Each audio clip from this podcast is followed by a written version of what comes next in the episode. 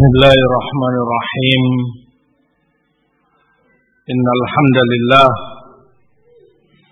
نحمده ونستعينه ونستغفره ونعوذ بالله من شرور أنفسنا وسيئات أعمالنا من يهده الله فلا مضل له ومن يضلل فلا هادي له أشهد أن لا إله إلا الله وحده لا شريك له وأشهد أن محمدا عبده ورسوله أما بعد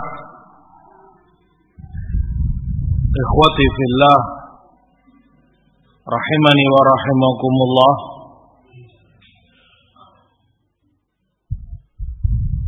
menjadi perkara yang sangat pokok di dalam iman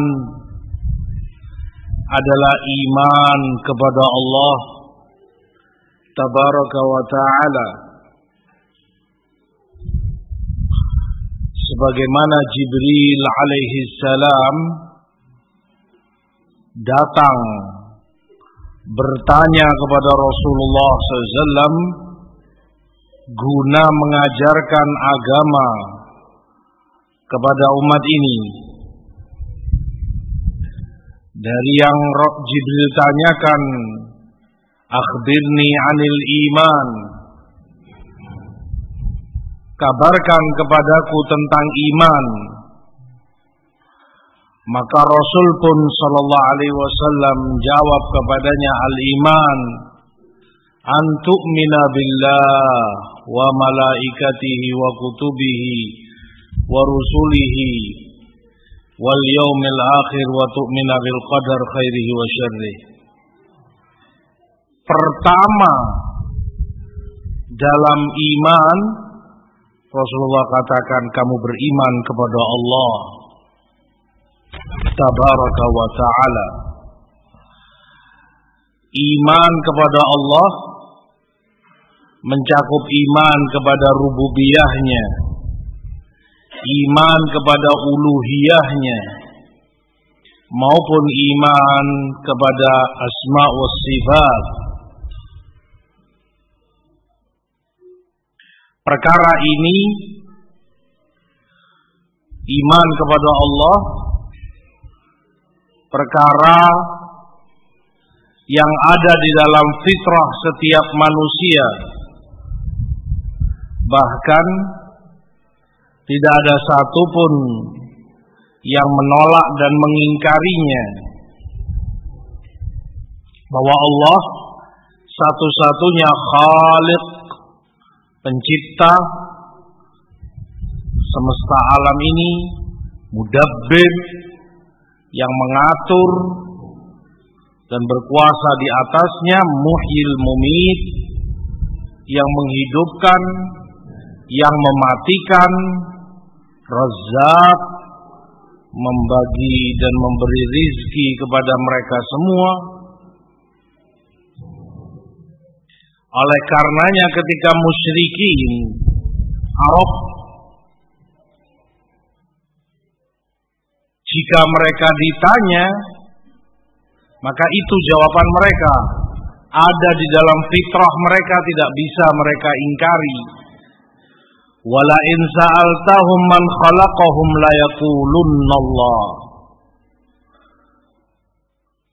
kalau engkau tanya mereka siapa yang menciptakan mereka pasti mereka akan jawab Allah.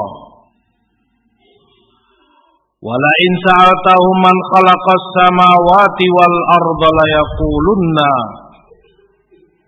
Khalaqahunnal azizul alim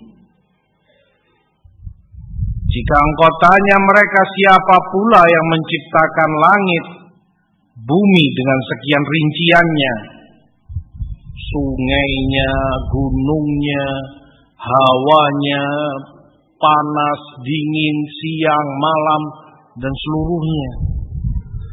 Pasti mereka akan jawab Al-Azizul Alim. Allah yang maha mulia, yang maha mengetahui segalanya. Qul man rabbus samawati sab'i wa rabbul arshil azim. Sayaquluna Allah.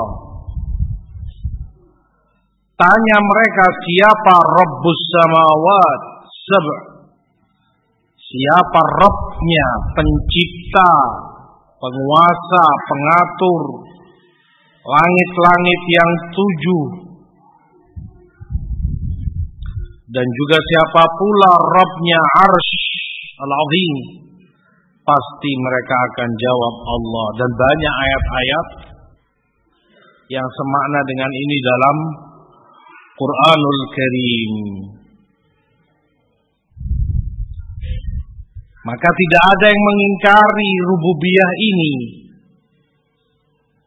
tentang adanya Allah, wujud Allah, bahkan Dia yang menciptakan segalanya, Dia yang menghidupkan, Dia yang mematikan, Dia yang memberi rizki, Dia yang berkuasa. Tidak ada yang mengingkari ini kecuali syawaz. Orang-orang yang nyeleneh, ganjil di masyarakatnya, jumlah kecil. Itu pun dalam batin diri mereka sesuatu yang tidak mungkin mereka ingkari dan mereka tolak. Sehingga pengingkarannya hanya muka baroh hanya karena kecongkaan dan kesombongan mereka saja. Bukan sesuatu yang yakin yang mereka imani dengan seyakin-yakinnya tidak ada pencipta, tidak ada Allah. Allah sebutkan tentang Fir'aun, Fir'aun bahkan yang mengaku dirinya Tuhan. Ma'alimtu lakum min ilahin ghairi.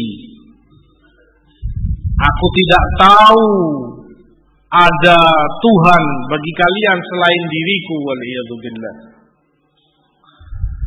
Yang aku tahu untuk kalian Tuhan hanyalah diriku. Yang Fir'aun katakan. Padahal Nabi Musa alaihissalam, oleh sebab itu Nabi Musa ketika mendakwai Fir'aun beliau katakan laqad alimta ma anzala haula illa rabbus samawati wal ardi basair. Engkau tahu bahwa tidak ada yang menurunkan semua itu kecuali Rabbus samawati wal ard. Pencipta langit, bumi sebagai tanda peringatan darinya. Ayat-ayat mukjizat yang Allah berikan kepada Musa, tongkat yang berubah, dari ular dan melahap semua sihir dari para tukang sihir itu dikirimnya kata dikirimnya semua. Engkau tahu kata Nabi Musa ini semua dari Allah. Rabbus samawat Rabbul ard pencipta langit dan bumi. Ini pada dirimu sendiri tahu. Tetapi itulah kesombongan orang-orang kafir maka Allah sebutkan wajahadu biha wastaiqanatha anfusuhum zulman wa uluwa. Mereka ingkari ketuhanan Allah. Padahal itu mereka yakini dalam lubuk diri mereka karena kedoliman mereka dan karena kesombongannya maka tidak akan ada hujah satupun bagi mereka yang mengingkari Allah atau bahkan mengingkari ketuhanan. Ateisme tidak akan mempunyai satu dalil pun yang membenarkan teori atau akidah keyakinan mereka. Begitu pula kaum Madiyun golongan materialisme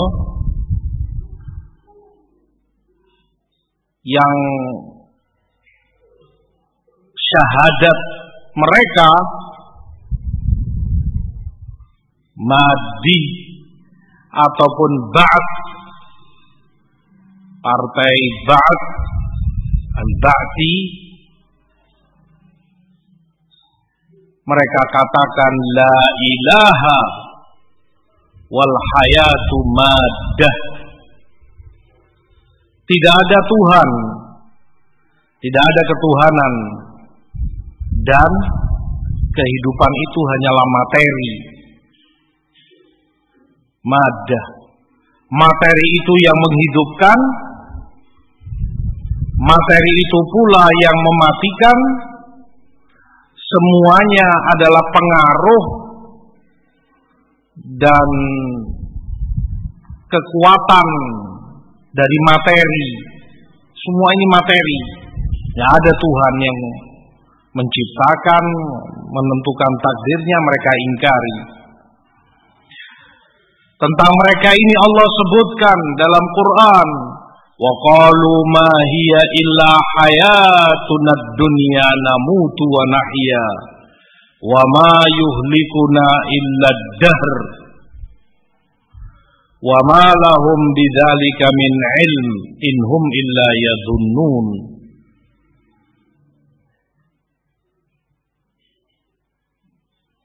Mereka katakan ini hanyalah kehidupan kita di dunia ini. Yang padanya kita mati, padanya kita hidup. Terus materi, tuntutan zaman kata mereka. Orang semakin berumur, semakin tua ya pada akhirnya harus mati. Dan akan datang generasi berikutnya penggantinya, lahir bayi akan menjadi besar dan seterusnya. Berjalan di roda kehidupan, ada yang hidup, ada yang mati, ada yang mati, ada yang hidup. Begitulah kehidupan dunia. Tidak ada yang menentukan, tidak ada yang menciptakan semua itu, kata mereka. Wa malahum bidzalika min ilm. Mereka tidak punya ilmunya. Tidak akan pernah punya hujjah yang mendasari dan membenarkan keyakinan mereka ini inhum illa yazunnun dan mereka hanya menduga-duga. Hanya menyangka. Sebatas prasangka. Tidak didasari ilmu. Tidak ada nafs dalam agama. Tidak ada pula akal pikiran logika yang benar. Tidak ada pula fitrah yang mendukung teori mereka.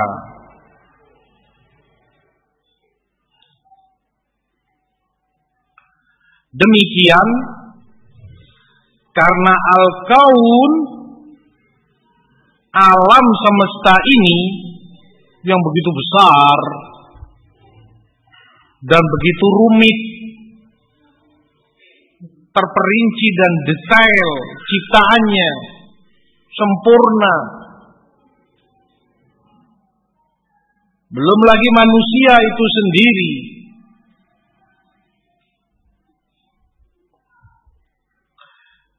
Semua itu membuktikan wahdaniyatullah, keesaan Allah, rububiyah Allah, karena yang namanya makhluk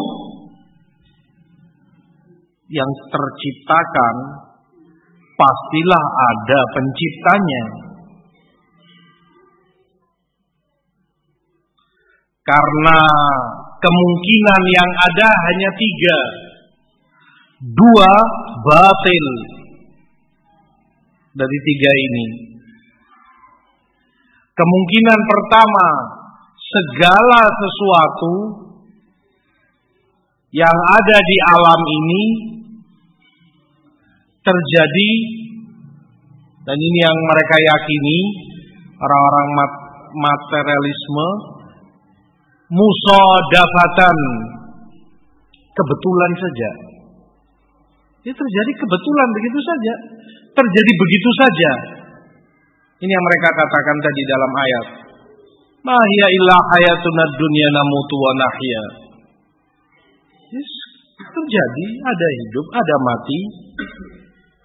Begitu pula yang lain menurut mereka, ada matahari, ada bulan, ini kebetulan begitu terjadi. Ada laut, ada darat, ada ini, ada itu. Kemungkinan yang kedua bahwasanya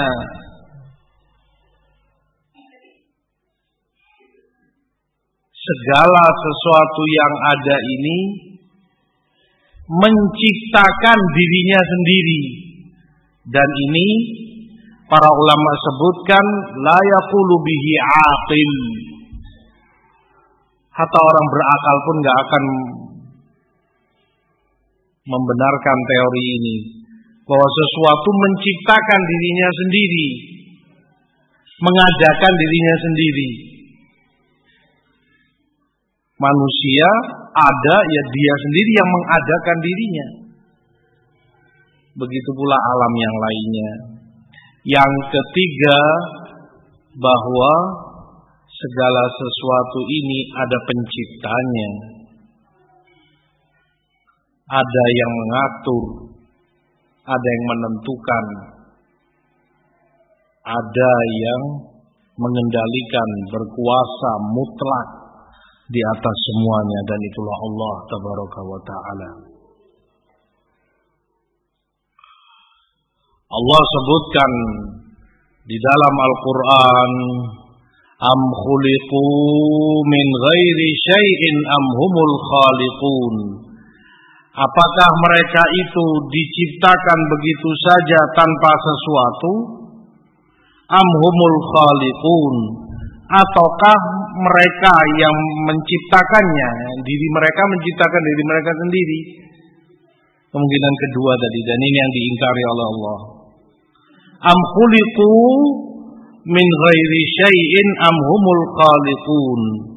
Apakah mereka menciptakan, terciptakan begitu saja diri mereka am humul khaliqun ataukah mereka yang menciptakannya? Am khalaqus samawati wal ard bal la yuqinun. Apa mereka juga yang menciptakan langit, bumi dan yang lain-lainnya? Bal la yuqinun. Dan mereka tidak yakin dengan semua itu yang mereka yakini. Gak akan pernah yakin bagaimana yakin gak ada dasarnya. Gak ada hujah yang mereka pegangi sebagaimana Allah sebutkan itu dalam At-Tur ayat 35 dan 36.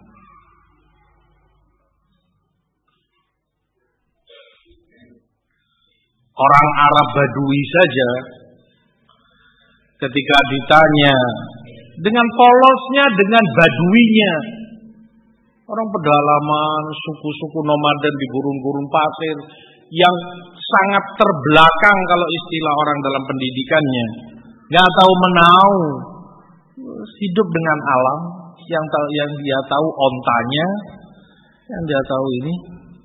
Dia tanya dari mana kamu mengenal Robmu? Apa buktinya? Kalau Allah itu ada dia katakan seperti dengan polosnya al-ba'rah tadullu Wasair yadulu alal masir. Afa sama'un dhatu abraj wal ardu dhatu fijat la yadulu dhalika alal alimil khabir. Kalau kotoran onta saja kita ngelihat kata dia, di situ alam dia. Pasti orang akan bilang ada ontanya, ada yang menciptakan kotoran ini ada yang membuat dan mengeluarkannya ya ontanya. Ada kotoran pasti ada onta, nggak mungkin tiba-tiba muncul ini kotoran begitu saja. Mustahil.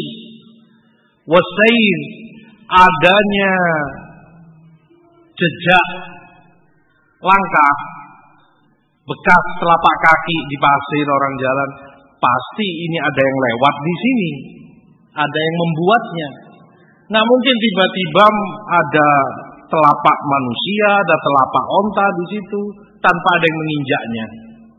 Mustahil. Berarti ada yang jalan di situ. Kalau itu sesederhana itu, kata dia, maka langit yang dihiasi dengan sekian bintang-bintang, planet-planet, bulan matahari, dan bumi yang sedemikian rupa, tidakkah itu cukup menunjukkan keberadaan al-alimul khabir? Tidak ada yang terciptakan tiba-tiba dengan sendirinya. Tidak ada pula yang itu menciptakan dirinya sendiri. Tidak ada pencipta lain. Dirinya sendiri yang menciptakannya.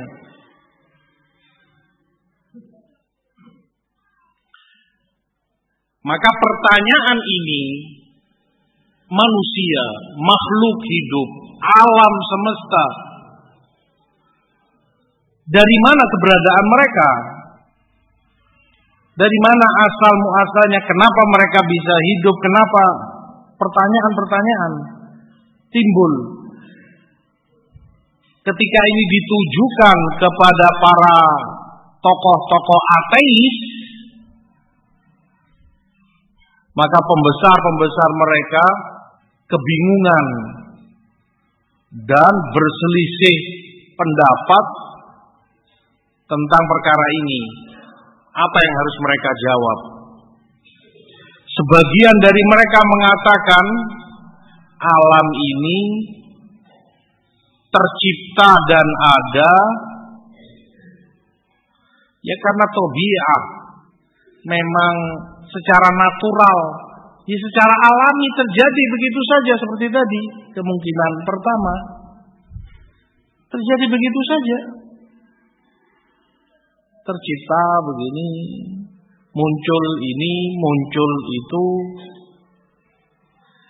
Sebagian bilang demikian. Nggak perlu kita bahas, nggak perlu kita tahu dan tidak ada penciptanya. Sebagian yang lain menolak dan mereka katakan tidak. Alam ini semua muncul dan terjadi ibarat bias dari sifat dan karakter sesuatu. Artinya di sana ada panas, ada dingin, ada kering, ada lembab, ada yang kasar, ada yang halus. Begitu pula ada yang bergerak, ada yang mati tetap artinya tidak berkembang semua ini sifat dan karakter pada sesuatu yang menciptakan dan mengadakan segalanya. Jadi sifat-sifat ini adanya dingin di alam, adanya panas, adanya yang kasar, yang halus, yang kering, yang basah, dan sifat-sifat yang lain. Sifat-sifat ini yang kemudian melahirkan ciptaannya. Segala maujudat, segala yang ada wujudnya di alam semesta ini tercipta dari karakter dan sifat-sifat yang ada. Tentunya semua ini batil, kekufuran dan kesesatan.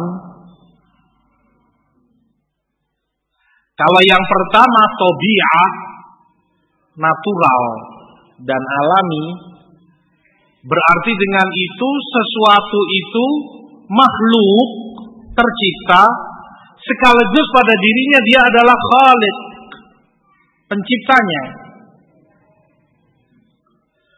Dengan demikian kesimpulan dari teori mereka ini kuat, bulat, dan itulah tabiatnya filsafat. Karena memang kalau diruntun pangkal Dan akar ateis ini kembalinya kepada para filosof. Tokoh-tokoh filsafat Yunani, Aflatun, dan yang semisalnya. Bulat. Al-Muhim, pada teori mereka itu berarti akan disimpulkan bahwa bumi menciptakan bumi itu sendiri. Bumi ini siapa yang menciptakan? Ya buminya itu sendiri. Pada sesuatu pada dirinya dia adalah makhluk, dia pula adalah khaliknya. Begitu pula langit, makhluk terciptakan. Siapa penciptanya? Ya langit itu sendiri. Menciptakan dirinya. Dan demikianlah seterusnya. Perkara yang sangat mustahil bahkan layakuluhu aqil. Orang yang masih waras akalnya nggak akan berpendapat demikian.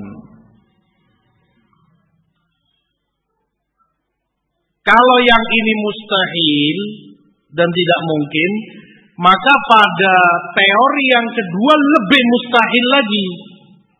Di mana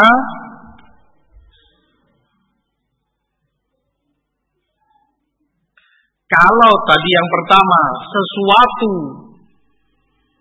tidaklah mungkin menciptakan dirinya sendiri, dia sebagai kholik, dia pula sebagai makhluk, maka sifat yang ada pada dirinya lebih tidak mampu lagi, yang dirinya aja nggak mampu, apalagi sifat, karena sifat bagian kecil dari dirinya, kan bukan semuanya.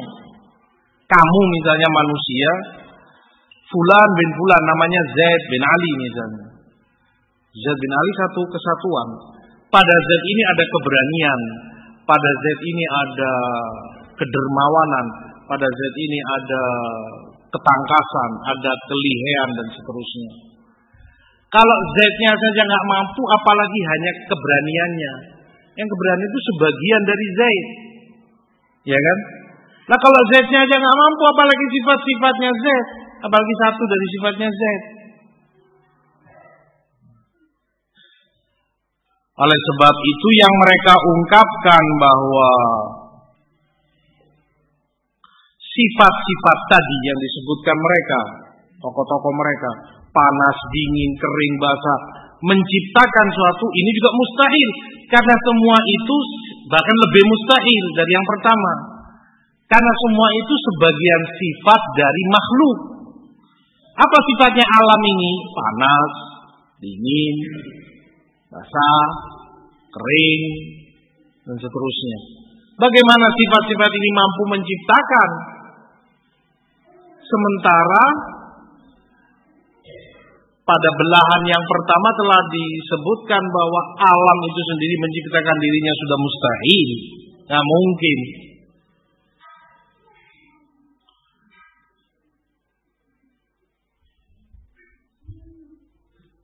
Belum lagi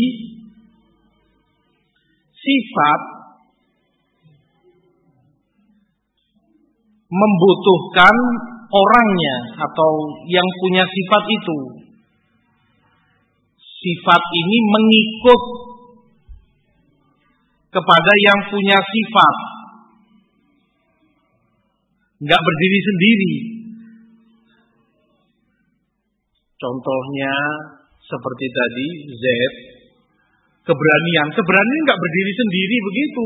Hidup punya kekuatan bisa jalan bisa ini. Enggak. Dia butuh Z berada di dalam Z. Sifat keberaniannya. Misalnya. Dia butuh Z. Nggak bisa dia berjalan sendiri.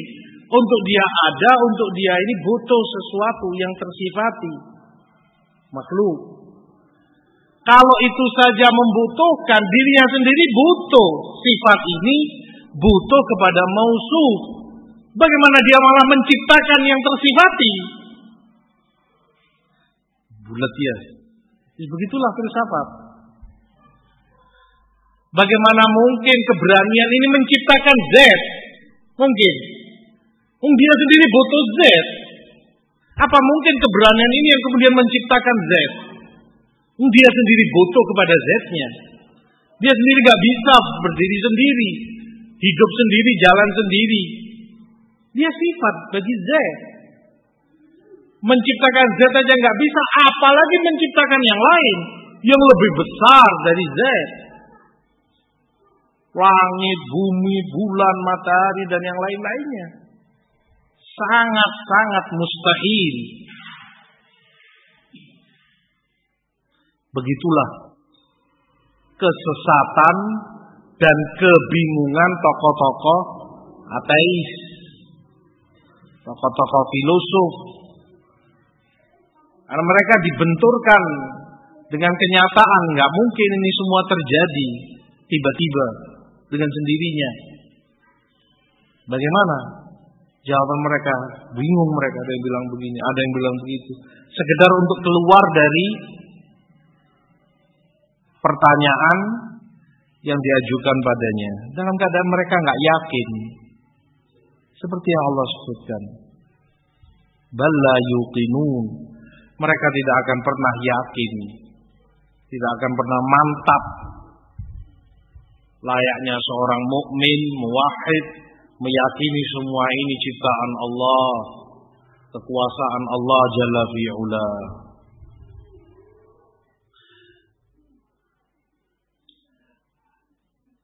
Hadirin khawati fillah rahimani wa rahimakumullah maka alam yang demikian besar demikian sempurna ciptaannya detail dan tidak ada kesalahan sedikit pun padanya dan tidak ada gesekan tidak ada benturan antara yang satu dengan yang lainnya. Tidak mungkin itu semua terciptakan musodafah. Terciptakan begitu saja. Tidak ada yang ngatur. Tidak ada yang mengendalikan. Padahal ini besar Gambaran kecilnya saja. Gambaran kecil. Kalau kendaraan, mobil atau motor terus bergerak. Yang ini ke sana, yang ini kemari, di perempatan, di perlimaan. Mungkin tidak tidak ada yang ngatur. Tanpa ada benturan, tidak ada gesekan. Jalan sendiri masing-masing. semua itu tidak ada gesekan karena ada yang mengendalikan. Yang mobilnya ada sopirnya di rem, ada mobil lain, ada lampu merah, ada ini diatur, ada pengaturnya, ada pengendalinya.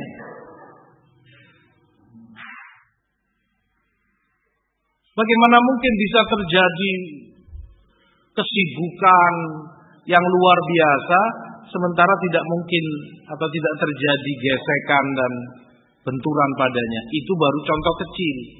Bagaimana dengan alam ini? Lautnya, daratannya, mataharinya, bulannya, bintang-bintang, planet, tata surya yang ada. Tidak ada gesekan padanya. Langit tidak jatuh ke bumi. Siapa yang mengatur, siapa yang mengendalikan? Semua ini terjadi musadafah begitu saja, nggak ada yang ngatur, terjadi begitu saja, natural terjadi, secara alami proses alam kata mereka,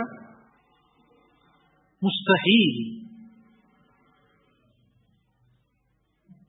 Akal dan fitrah menolak dan tidak akan pernah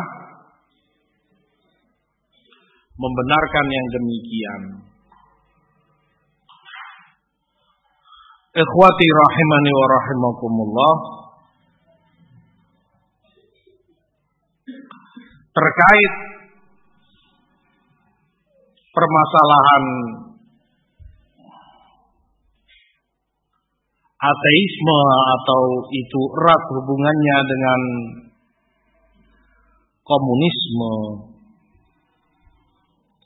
tentunya mengundang kita untuk mengetahui sekilas tentang sejarah mereka ini.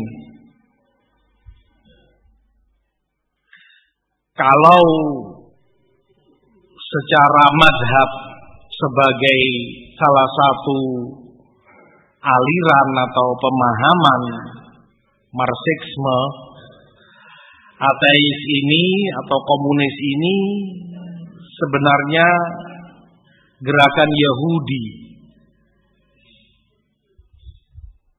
Karena dibuat atau teori-teorinya ditulis oleh seorang Yahudi berkebangsaan Jerman Karl Marx dan yang bersamanya di mana dia melihat dan meyakini segala sesuatu itu sebatas materi tadi. Kehidupan kematian dan segalanya yang ada di alam ini mada. Materi.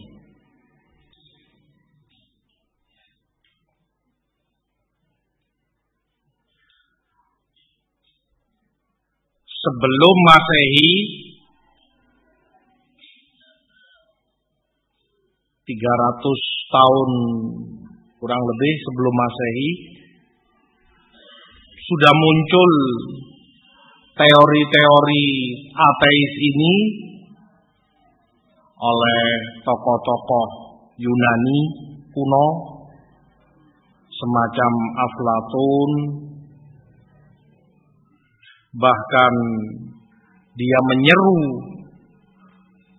dan mendakwahkan persamarataan harta dan juga wanita. Yang ini tentunya akan menjadi cikal bakal madhab dan keyakinan komunis, sosialisme, ya sama hak semua orang.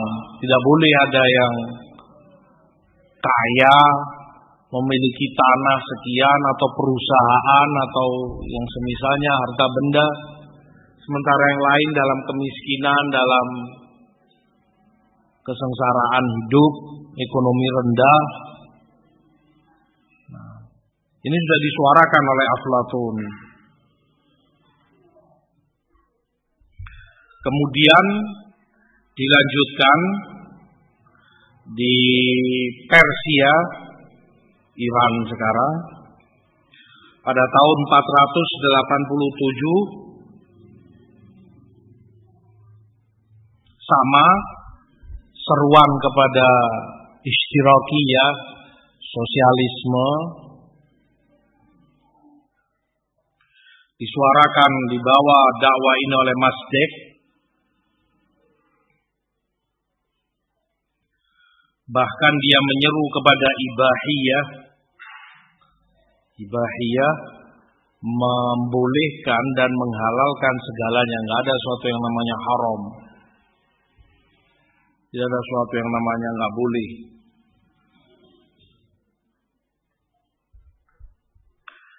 Yang ketiga dilanjutkan oleh tokoh-tokoh batiniyah dasar dan doktrin yang sama diasung oleh imam mereka Hamdan Tirmid yang menjadi imamnya Qoromitoh Hamdan Al-Tirmid demikian pula dilanjutkan oleh Ali ibn Fadl yang pada saat kekuasaan mereka mereka culik atau mereka curi Hajar Aswad dari Ka'bah dan mereka sembunyikan. Sehingga Ibnu Katsir sebutkan kurang lebih 20 tahun kaum muslimin di berbagai dunia kalau mereka haji atau umrah tidak bisa mendapati Hajar Aswad, tidak ada pada Ka'bah. Oh talahumullah. Al-muhim ini qaramithah. Kemudian yang keempat dilanjutkan seruan dan dakwah kepada komunisme ini oleh Thomas More tahun 1478 Masehi.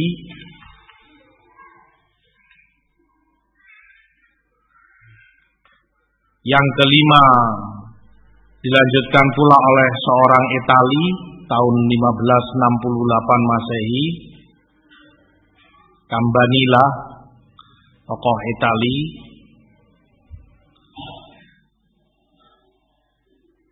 Yang keenam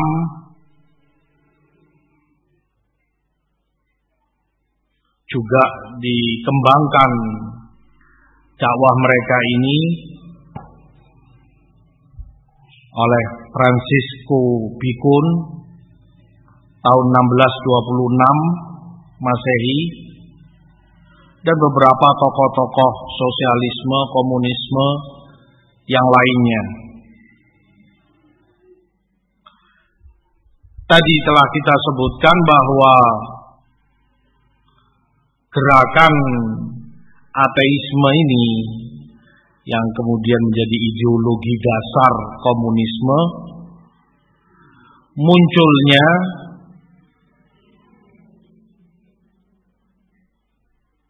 di abad ke-19 Masehi ketika Karl Marx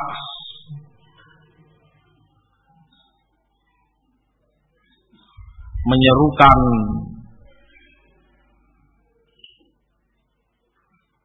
ajaran Marxisme didukung oleh seorang saudagar kaya Inggris Frederick yang bersamanya di kemudian hari menjadi kekuatan di Rusia Uni Soviet oleh Lenin dan diterapkan dalam kepemimpinannya di dunia politiknya.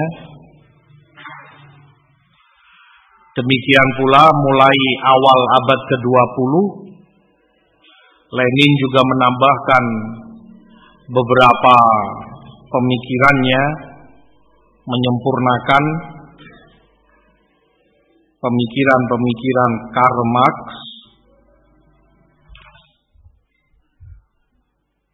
sehingga pada tahun 1917 terjadi pergolakan di Rusia jatuh karenanya kekaisaran Rusia dan Lenin berhasil menduduki kepemimpinan setelah kudeta dan dia bunuh kaisar dan yang bersamanya. Setelah Lenin dilanjutkan komunisme ini oleh Stalin yang juga tidak kalah bengis dan kejamnya dan musuh utama mereka adalah agama dan bapak mereka Karl Marx telah menyebutkan agama memang sebagai candu opium yang hanya meracuni dan merusak kehidupan umat manusia. Waliyadzubillah. Mereka menurut Karl Marx dan yang memujanya ditipu dengan khayalan-khayalan agama, surga begini kenikmatannya, neraka azabnya begini siksaannya, akhirat begini begini. Walhasil perkara-perkara yang gaib Karena mereka tentunya hanya mengimani materi, tentu perkara gaib jauh dari keyakinan mereka. Maka agama merupakan musuh pertama dan musuh nomor satu bagi mereka. Beberapa sebab tentunya mendasari munculnya gerakan atau pemahaman ini. Yang pertama dan sebab utama secara sosial atau politik adalah gereja yang memerangi ilmu dan para ulama. Nggak boleh orang berilmu, nggak boleh orang belajar, sehingga dibodoh-bodohi dan dibiarkan mereka dalam kebodohan. Tidak boleh sedikit pun mencium aroma ilmu. Bahkan kalaupun itu ilmu dunia. Sehingga para ilmuwan dalam ketakutan dalam ini, tekanan dari pihak gereja Walhasil dari situ mereka memberontak, melawan, menentang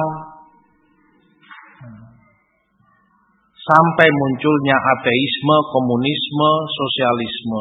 Semua ini berasal dari kejahilan atau kekufuran gereja, pihak gereja dengan para pendetanya yang memerangi ilmu dan orang-orang yang berilmu. Selain itu, termasuk background yang mendasari adalah kuatnya atau maraknya kapitalisme di dunia barat saat itu di mana mereka hidup dalam kemewahan kaum borjuis kaya raya tuan tanah. Nah. sementara yang lain adalah orang-orang fakir miskin yang jauh dari kecukupan hidup.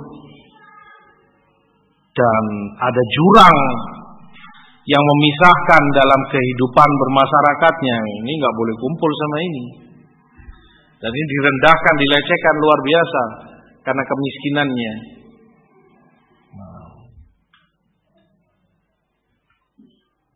yang ini tentunya memancing kecemburuan sosial kaum duafa, orang-orang fakir miskin. Nah, kehidupan mereka kapitalisme barat saat itu. Nah, dan isu yang sama juga dibawa oleh komunisme. Kalau di kita di Indonesia mereka istilahkan setan desa. Siapa setan desa ini? Mereka sebutkan para cukong, para tukang tanah. Kan desa biasanya begitu. Para petani nggak semuanya punya tanah, punya ladang. Tanah 10 hektar miliknya fulan. Dia sebagai tani saja, buruh tani, nanam padi, ini nanti dapat hasil berapa. Tapi tanah itu miliknya fulan, miliknya fulan. Begitu pula para tengkulak, begitu pula hasil mereka sebutkan. Karena memang sumbernya dari sana.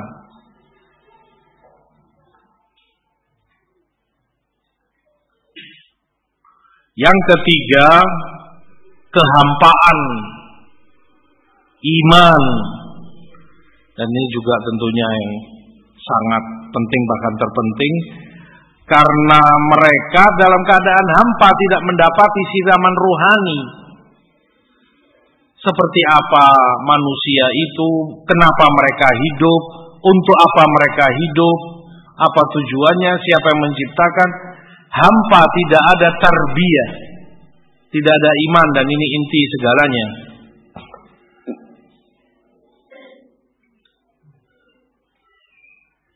Sehingga mereka jiwanya dalam keadaan labil, jiwanya dalam keadaan hampa, terombang-ambing, tidak mendapat kebahagiaan dan ketenangan. Yang keempat, penjajahan yang marak di sana sini dari semenjak dulu dan tentunya pengerusakan dan kehancuran yang terjadi bersamaan dengan penjajahan itu.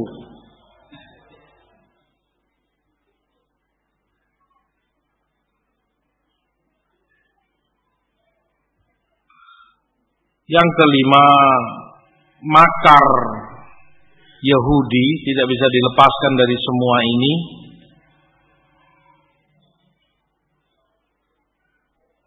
Dan yang keenam mungkin yang ketujuh keganjilan dan nyelenehnya para tokoh-tokohnya. Memang punya keanehan dalam kejiwaannya. Tidak normal. Punya kelainan jiwa sehingga muncul darinya perkara yang menyalahi fitrah manusia bahkan akal pikiran itu sendiri.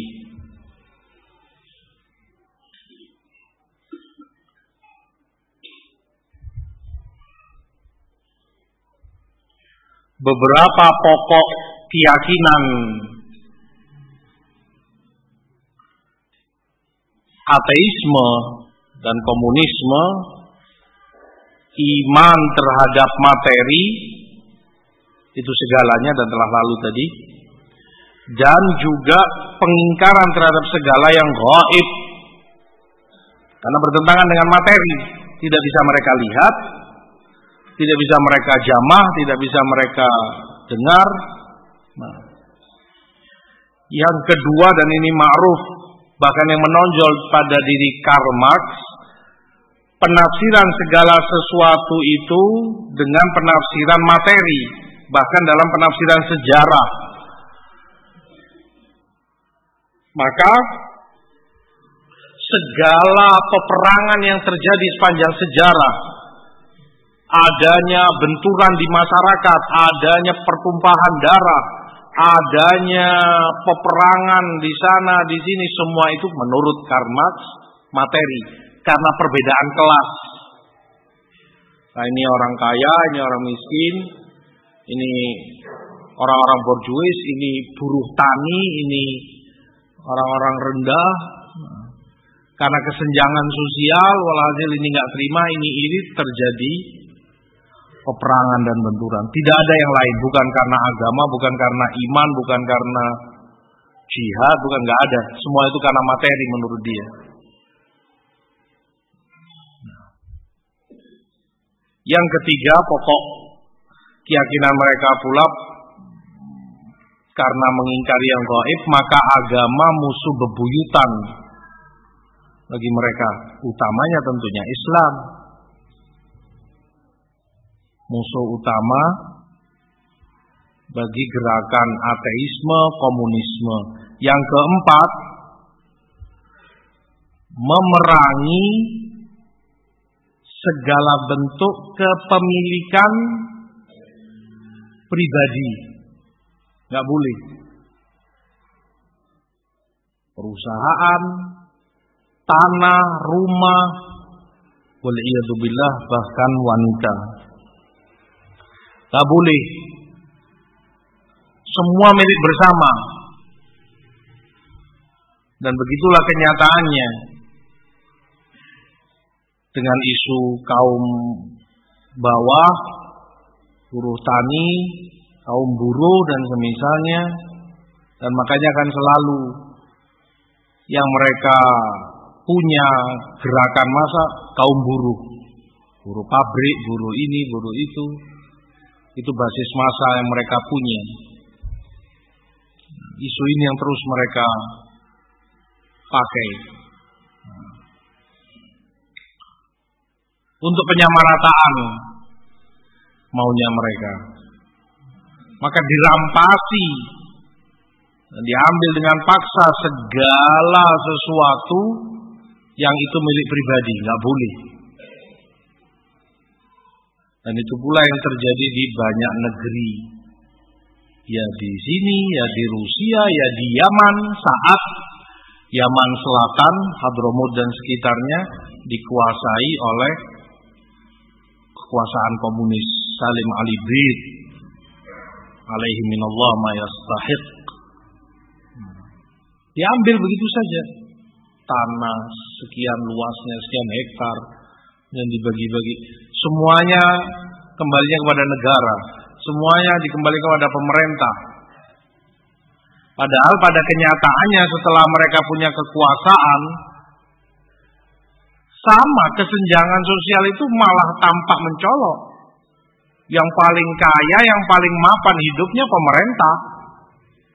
Pemerintahan komunis. Karena segala-galanya ada di tangan dia, perusahaan ini itu.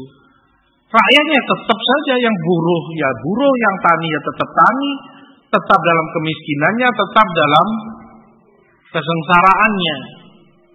Maka mana yang mereka dakwahkan? Katanya penyamrataan, katanya supaya adil, supaya rata. Nggak ada kenyataannya.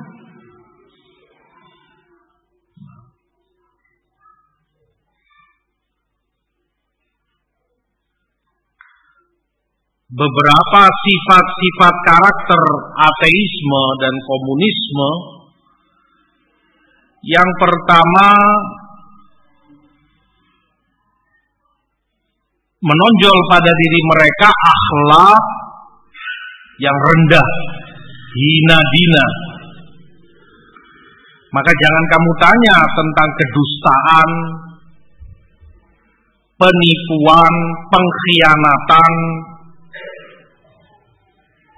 segala macam cara mereka tempuh untuk tercapainya cita-cita dan tujuan utama mereka.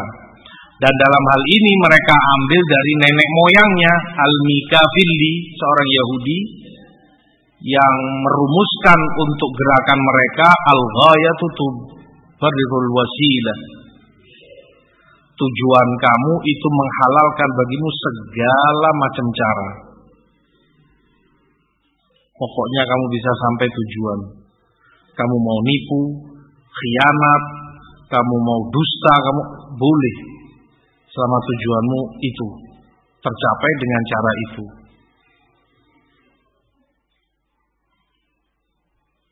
Yang kedua, dan tentunya dalam sepanjang sejarah mereka, ma'ruf bagaimana pengkhianatan dan kedustaan mereka.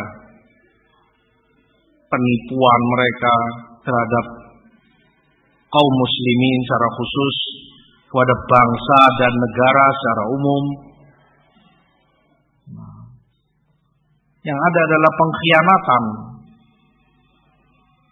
Saat negara sedang gentang-gentingnya, sedang panik-paniknya menghadapi kemungkinan Belanda masuk dan ingin menyerang kembali, justru mereka melakukan pemberontakan di dalam.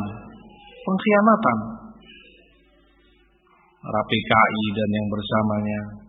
Qatalahumullah. Di situ ma'ruf dari mereka. Yang kedua,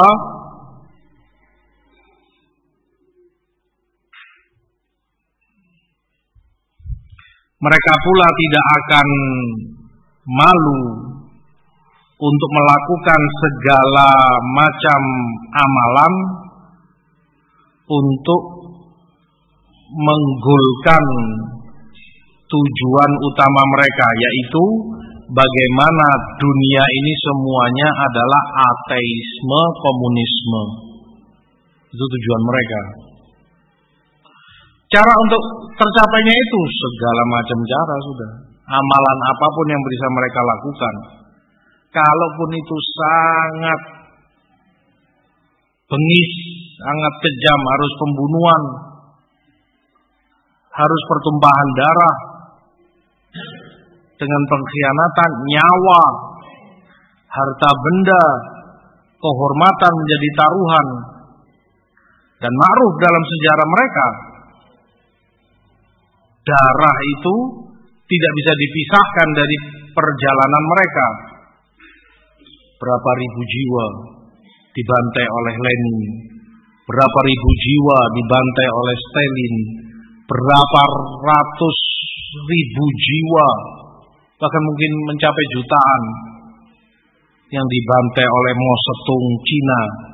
Berapa ribu jiwa yang dibantai, dibunuh begitu saja oleh Pol Pot. Sekian banyak, belum lagi komunis Indonesia. Nah, dan begitulah mereka. Akhlak dan sifatnya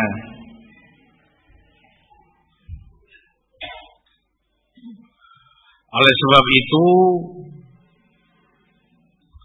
komunisme syarat sekali dengan radikalisme. Sesuatu yang tidak bisa dipisahkan bagikan pinang dibelah dua antara ateisme, komunisme dan radikalisme. Tidak bisa dipisahkan dari kekerasan. Dari teror Kan itu yang terjadi. Bukan hayalan, bukan dugaan. Itu yang terjadi dalam sepanjang sejarah mereka. Umat Islam di Rusia, umat Islam di sana sini di Cina. Nah, wahakata.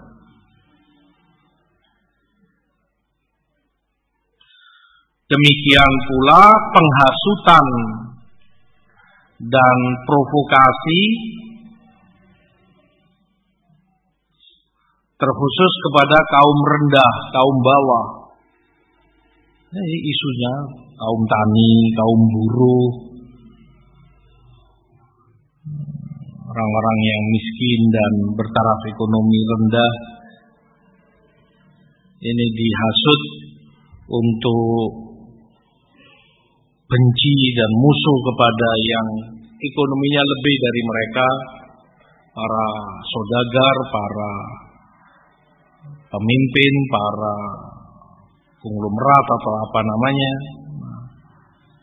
Sehingga kamu lihat ketika itu digerakkan oleh mereka, yang bergerak ya ini, nelayan, kaum tani, kaum buruh, masuk kota, bikin kerusakan, bikin keonaran, menjarah toko-toko, merusak ini itu. Mereka yang digerakkan. Nasallallahu alaihi wasallam.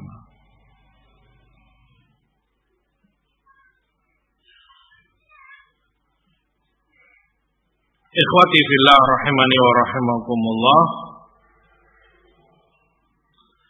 Dalam pergerakan mereka tentunya mereka punya wasail sebagai wasilah yang mereka gunakan untuk memperlancar jalan mereka menuju kekuasaan. Dan itu satu-satunya tujuan mereka. Mereka orang yang ambisi terhadap kekuasaan maka dari wasilah yang mereka gunakan mendirikan organisasi-organisasi komunis. Tentunya bertujuan untuk menyebarkan paham komunisme ini di masyarakat yang ada, menghasut menumbuhkan kedengkian dan kebencian yang ada bahkan melepas sama sekali agama dari kehidupan mereka. Yang kedua, kudeta dan tentunya pergolakan politik yang tidak bisa dipisahkan dari darah dan nyawa. Dan itu pula yang terjadi sepanjang sejarah. Nah, darah itu yang menjadi jalan bagi mereka untuk tercapainya cita-cita mereka. Naudzubillah. Yang ketiga, mereka akan memerangi dan mematahkan segala kekuatan yang akan menghalangi mereka atau diduga oleh mereka akan menghalangi menjadi kendala bagi mereka. Apa pun itu kekuatan. Bahkan tidak hanya itu, yang walaknya kepada mereka, loyalitasnya tidak utuh, akan mereka habisi. Masih ada loyalitasnya kepada yang lain begini, akan mereka berangus. Harus utuh 100% wala kepada mereka. Yang keempat wasilah mereka memerangi seluruh agama, terutama Islam. Pasti mereka perangi tokoh-tokohnya, para alim ulama, para kiai atau apa namanya, ustadz-ustadz, para santri. Ini musuh utama mereka. Dan agama yang lain kecuali Yahudi. Makanya dalam sepanjang sejarah tidak pernah ada Yahudi dibantai komunis. Cari di mana pernah ada. Di mana?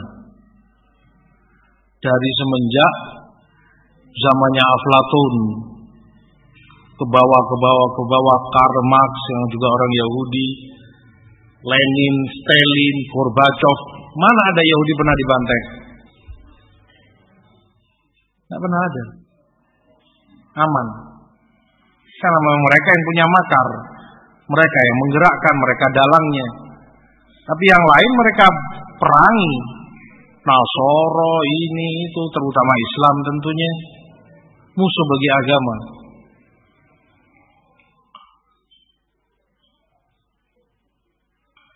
Yang kelima membunuh dan memerangi tokoh-tokoh agama, terutama tadi kaum muslimin, para ulamanya. Yang kelim, keenam pemaksaan kepada rakyat bawahan untuk membayar upeti atau pajak atau yang semisalnya dengan jumlah dan nilai yang sangat besar sengaja untuk menghinakan dan merendahkan mereka.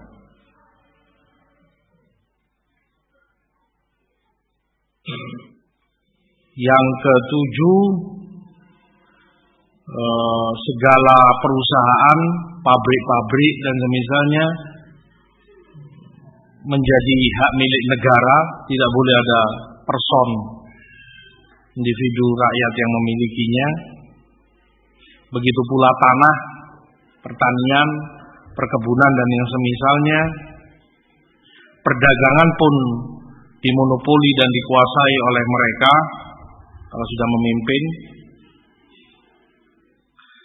Merusak akhlak itu menjadi ciri utama mereka.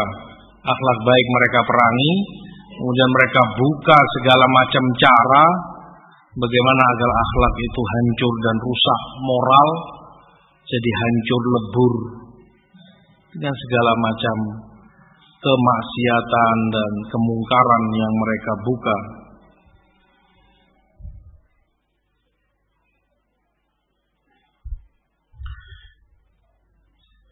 Kemudian yang juga menjadi wasilah mereka eh, rakyat atau masyarakat ini mereka bagi menjadi dua secara umum. Yang pertama tokoh-tokoh ateisme, komunisme, dan siapa yang mau tunduk dan bekerja sama dengan mereka, kaki tangannya. Yang kedua, orang-orang yang menolak atau tidak mau wala, tidak mau masuk ke dalam aturan dan ajaran mereka atau tidak mau secara utuh pasrah dan menerima apa adanya dari mereka. Maka ini golongan kedua. Yang tentunya akan terus mereka tindas dan mereka hina.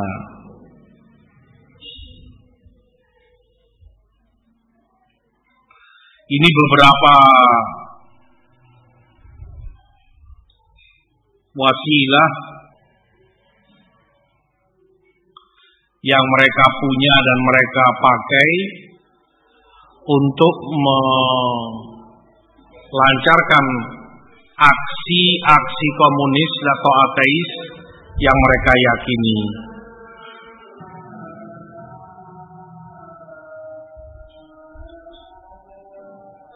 Orang-orang ateis dan komunis terhadap kaum muslimin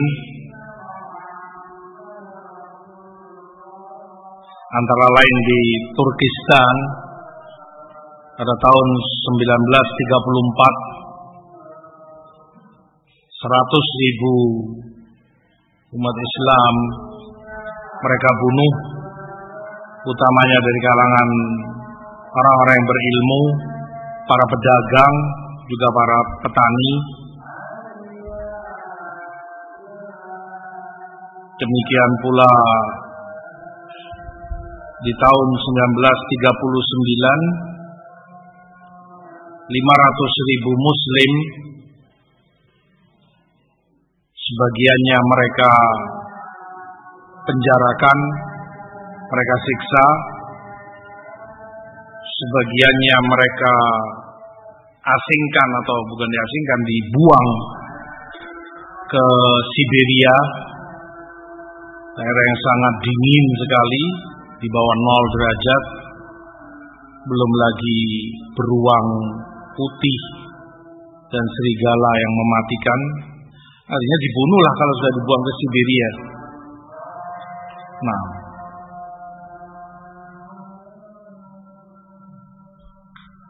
dan beberapa catatan panjang di Turkistan terutama.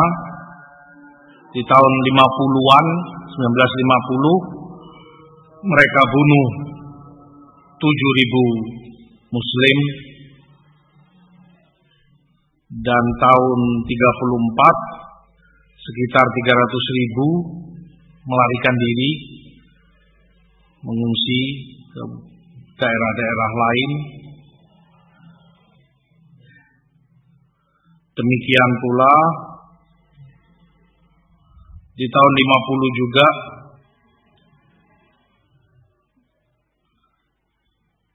dua puluh ribu umat Islam yang berhasil selamat e, melarikan diri ke timur tengah dan itu yang mampu atau bisa mereka datangi di negeri-negeri yang ada. Di tahun 32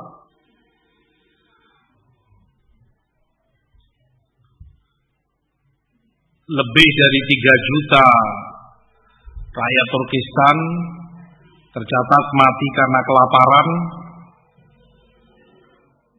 Tentu mayoritasnya muslim karena hasil panen atau hasil pangan ditahan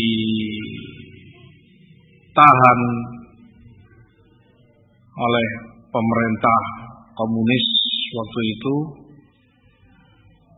dan mereka kirim hasil panen itu ke Cina di masa itu. Demikian pula di Crimea tahun 21 100 ribu muslim mati kelaparan 50 ribu dipaksa untuk hijrah keluar dari negaranya ke beberapa negara lain belum lagi beberapa gereja, uh, afwan beberapa masjid, beberapa masjid yang mereka hancurkan, tempat ibadah kaum muslimin. Demikian pula uh, yang terjadi di beberapa negeri-negeri belahan Rusia yang ada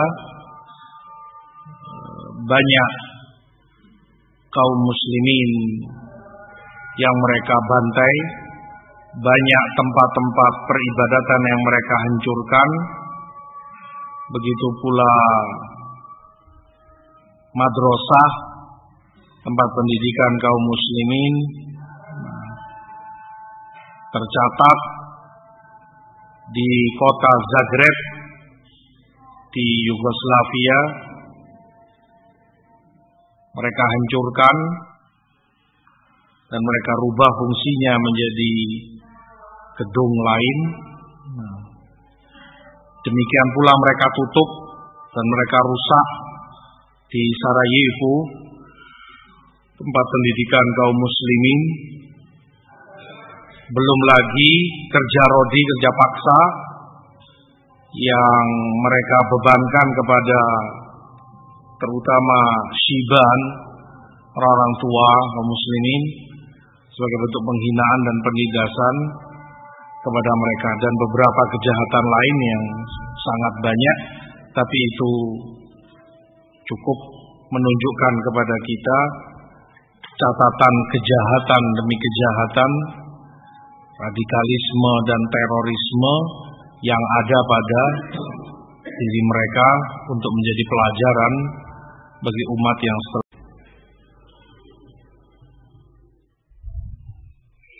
Bismillahirrahmanirrahim. Alhamdulillah.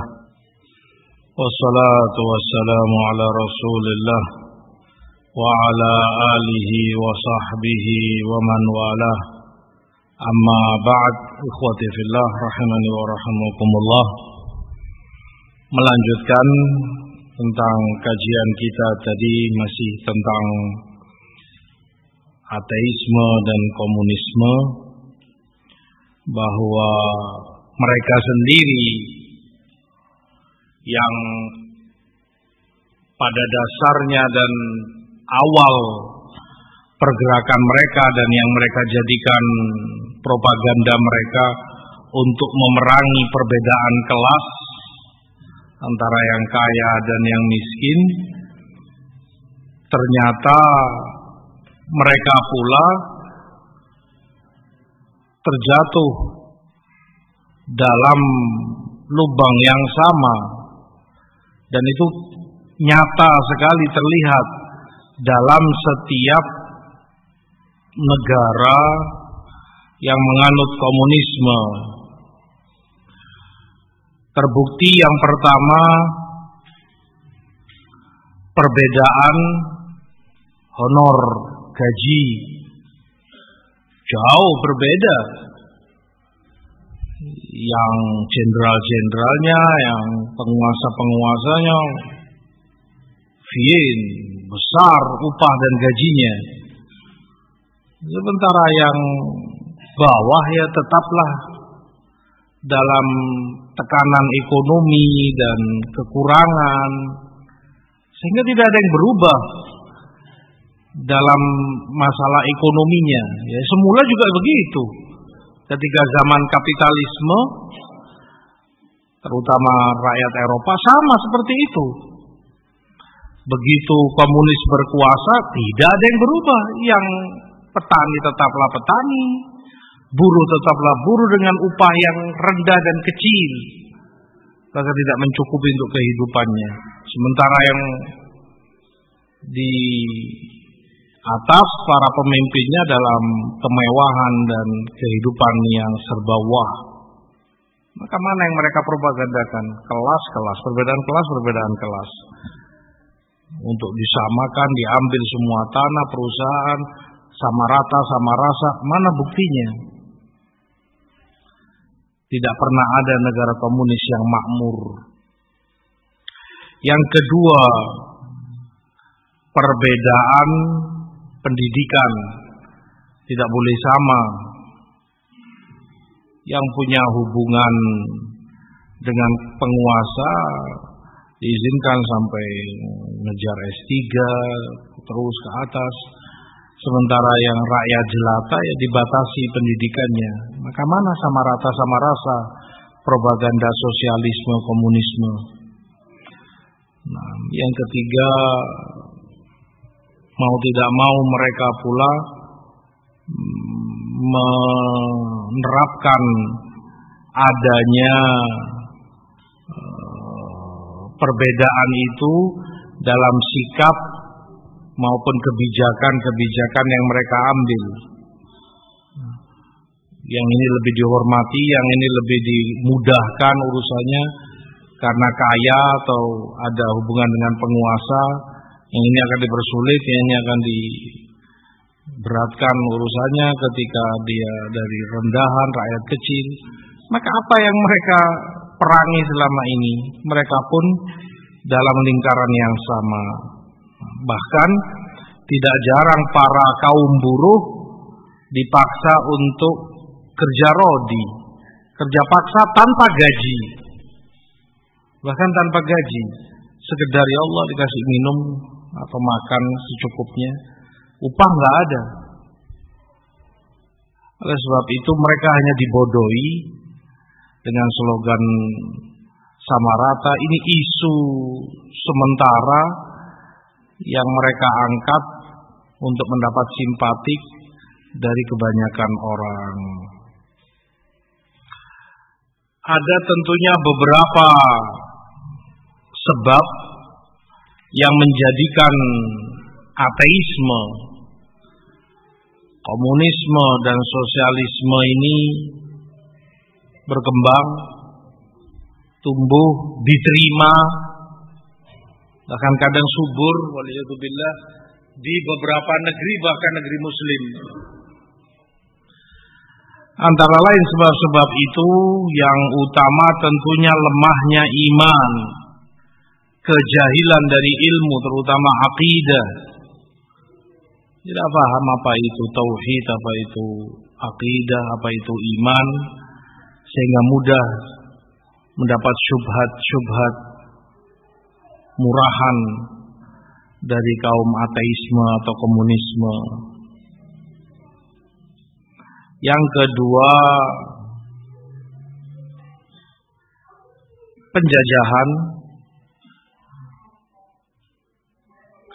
dan mabarat serta kerusakan yang disebabkan olehnya. Dan ma'ruf cikal bakal komunis nggak usah jauh-jauh di negara kita sendiri PKI bermula dari masa Hindia Belanda penjajah Belanda yang memberi ruang kepadanya untuk tumbuh dan bergerak dulunya mereka beri nama PKH Partai Komunis Hindia karena pemimpinnya atau yang berkuasa pemerintah Hindia Belanda. Maka ini penjajahan. Yang ketiga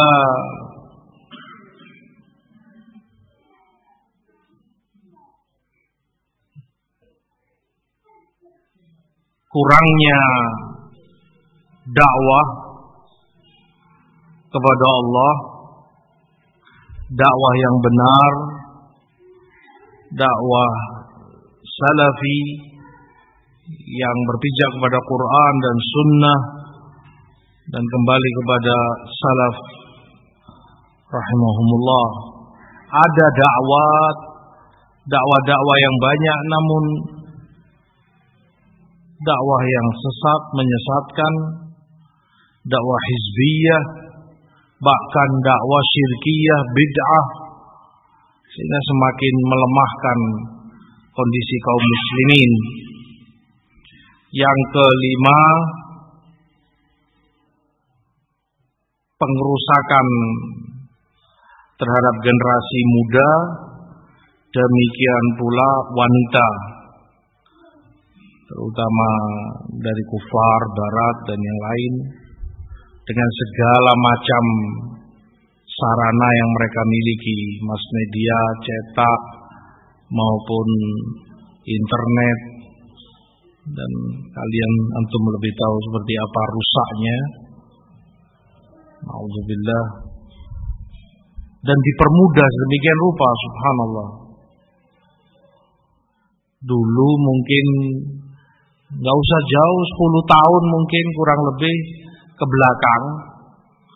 Tahun 2000 misalnya 16 tahun ke belakang. Nggak jauh. Nggak semudah itu orang untuk mengakses internet. Bahkan mungkin banyak dari kita nggak paham apa itu internet. Buru-buru internet komputer aja nggak paham. Ya apa caranya ini itu ini itu kalaupun mau sulit dengan serba sulit.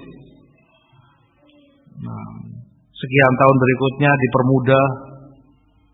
Ada warnet ada ini. Ber, berikutnya nggak lama sekian tahun.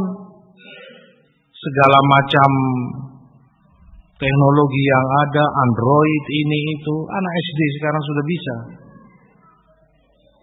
Seperti yang mereka istilahkan dunia ada di genggamanmu. Apa yang nggak bisa kamu lihat sekarang dengan Android ini? Apa yang nggak bisa kamu ketahui? Segala macamnya ada. Ya syar ya khair. Baik itu yang mungkin bermanfaat, kebaikan, atau naudzubillah itu yang syar yang jelek, mungkar dan maksiat. Segalanya bisa. Nah, dan mudah sekali, bukan suatu yang sulit. Yang tukang sampah, yang tukang becak sudah punya. Bukan hal yang mahal bahkan. Sengaja pengrusakan kepada wanita dan generasi muda kaum muslimin sehingga mudah untuk dihancurkan dari dalam nasallallahu al-afiyah. Yang ke enam adanya pengkhianatan dan antek-antek kufar munafikin tentu itu ada di tengah-tengah kaum muslimin membela kepentingan mereka, menyuarakan suara mereka dengan dalih kebebasan, dengan dalih uh, hak masing-masing orang, hendaknya dihormati, hendaknya diberi ruang, maka dengan mudah masuk. Suara-suara itu mau tidak mau terdengar terbaca oleh kaum muslimin syubhat. Yang ketujuh dha'ful wala wal bara. Lemahnya wala dan bara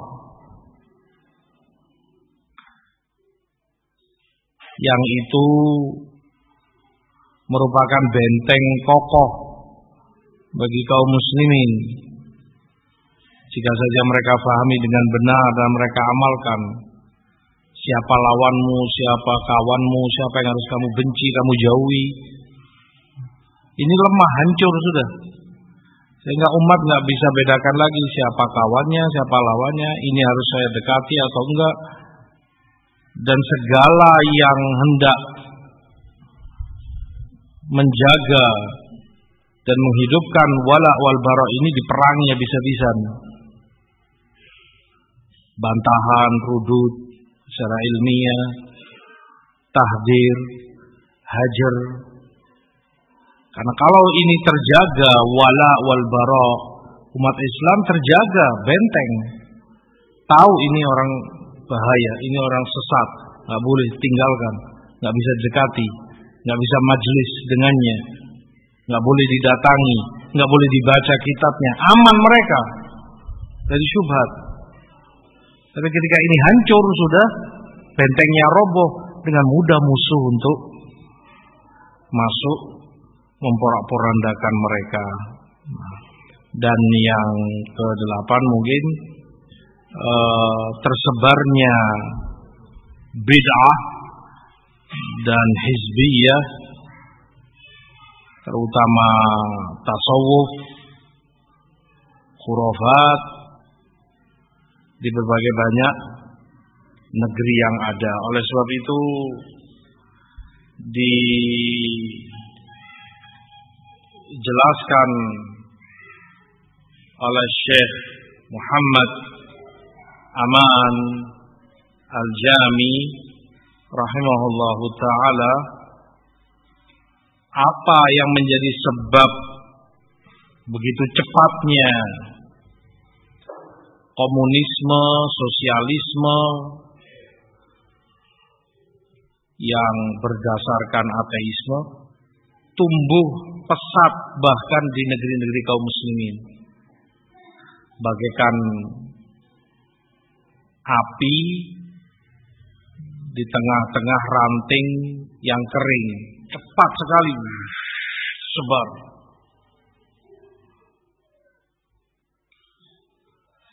Sebab yang mendasari ini beliau sebutkan karena mereka mendapati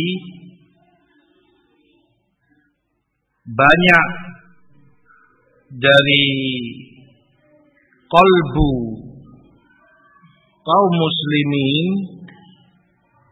masih berputar dan bergerak di atas materi. Sehingga kosmul mustarok titik temu yang mempermudah tersebarnya pemahaman sesat dan kufur ini adalah materi di mana satu di tengah-tengah kaum muslimin masih ada bahkan tidak sedikit mereka hadahumullah yang kolbunya terikat pada materi syahwat bahiminya, syahwat kebinatangan. Ma'udzubillah. Layaknya binatang tidak lagi dia bedakan mana yang boleh, mana yang tidak boleh, mana yang manfaat, mana yang madarat baginya, syahwat. Yang kedua ada pula kolbu-kolbu kaum muslimin yang terikat dengan materi tasawuf sehingga hatinya tergantung kepada kuburan-kuburan orang soleh atau yang dianggap orang soleh. Materi. Ini kuburannya Syekh Fulan, kuburannya wali Fulan, hamba Fulan yang soleh dan semisalnya. Hatinya tidak lagi bergantung kepada Allah dengan tauhid, tapi bergantungnya kepada materi-materi kuburan ini. Atau tergantung kolbunya kepada materi yang di dalam kubur. Ima ada tiga para ulama sebutkan. Ima ketergantungannya itu kepada yang dikubur orangnya. Sehingga itu yang disebut-sebut dalam doanya wahai fulan, wahai wali fulan atau siapa. Atau ketergantungannya kepada kuburannya. Tidak jarang kamu dapati mereka ambil tanahnya, disimpan, jimat, dibuat menyuburkan sawah dan ladangnya, atau kadang dimakan tanah kuburan itu. Apa yang ketiga yang di sekitar kuburannya sudah bukan kuburannya lagi, dindingnya, lampunya atau apa, tabir, kain dan semisalnya. Terbukti mereka elus-elus dindingnya diusap-usap kemudian dibuat tayamum di wajahnya. Dia menempel di dinding itu meratapi berdoa begini-begini seperti Yahudi di tembok ratapannya. Nauzubillah ada materi yang menggabungkan sosialisme dengan tasawuf. Dan itu banyak di negeri kaum muslimin. Sehingga tidaklah heran mudah bagi seruan syubhat sosialisme atau bahkan komunisme masuk dan tersebar di tengah-tengah kaum muslimin yang seperti ini.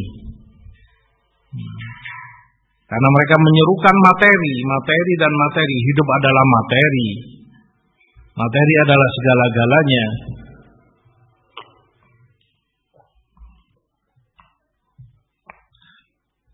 Maka tidaklah asing, tidaklah heran kalau sampai ada istilah nasakom, nasionalisme, komunisme dan agama yang didasari oleh tasawuf.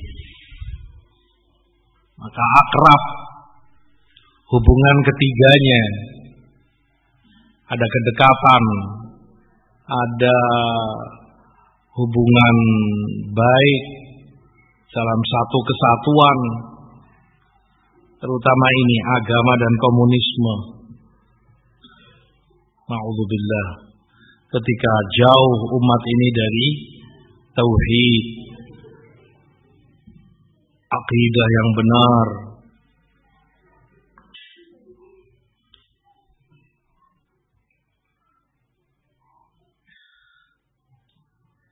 Ikhwati fillah rahimani wa rahimakumullah. Kalau kita melihat bagaimana para ulama membicarakan dan membantah segala bentuk pemahaman yang menyimpang dari Al-Quran maupun Sunnah maka kita ketahui sempurnanya Islam ini mulianya ajaran Allah dan tuntunan Rasulullah sallallahu alaihi wasallam. Tentunya Islam yang datang dari Allah dan dari Rasulnya berlepas diri sama sekali dari segala komunisme dengan sosialismenya atau ateismenya berlepas diri sama sekali dari segala ajaran kapitalisme. Mereka kaum kapitalisme menjadikan usaha dan bisnis itu segala-galanya dunia bagi mereka bahkan karenanya mereka tinggalkan kewajiban-kewajiban agamanya yang difardukan oleh Allah Subhanahu wa taala. Allah sebutkan wala takunu kalladzina nasullaha fa ansahum anfusahum ulaika humul fasiqun. Dan janganlah kalian menjadi orang-orang yang seperti orang-orang yang lupa terhadap Allah maka Allah pun melupakan mereka, meninggalkan mereka. Mereka itu orang-orang yang fasik dalam Al-Hasyr 15. Juga dalam firman Allah Al-Maidah Afa hukmal jahiliyati yabghun? Wa man ahsanu minallahi hukman liqaumin yuqinun? Apakah hukum jahiliyah yang mereka inginkan? Dan siapakah yang lebih baik dari Allah hukumnya bagi orang-orang yang yakin. Allah Subhanahu wa taala. Dengan hikmahnya Allah itu hakim bijak maha bijaksana meletakkan sesuatu tepat pada tempatnya. Tidak lebih, tidak akan kurang, mutqin. Dalam hukumnya, dalam perbuatannya, dalam ketetapan dan ketentuannya, dalam takdirnya, dalam ucapannya semuanya hakim. Maka dengan hikmahnya Allah jadikan manusia itu berbeda-beda makhluknya. Dalam ciptaan mereka maupun dalam rizki mereka. Dalam ciptaannya begitulah Allah ciptakan ini besar, ini kecil, ini gemuk, ini kurus, ini tinggi, ini hitam, ini putih dan seterusnya. Ini tampan, cantik, yang ini di bawah itu. Allah bedakan ciptaan mereka. Hikmah dari Allah. Sebagaimana pula rizki mereka. Allah bedakan yang satu dari yang lainnya. Firman Allah tentang hal ini Allah sebutkan dalam Quranul Karim. Bagaimana Allah menciptakan mereka dan Allah bedakan di antara mereka.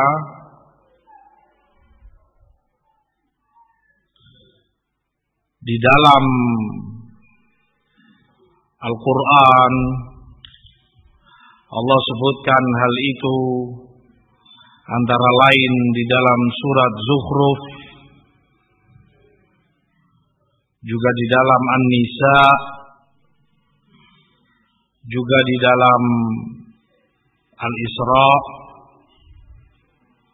Dalam Al-Isra 21 Allah sebutkan Undur kaifa faddalna ba'dahum ala ba'd Walal akhiratu akbaru darajatin wa akbaru tafdila Lihatlah bagaimana kami membedakan kami beri keutamaan kepada sebagian mereka di atas sebagian yang lain dan akhirat lebih besar derajatnya dan lebih besar keutamaannya.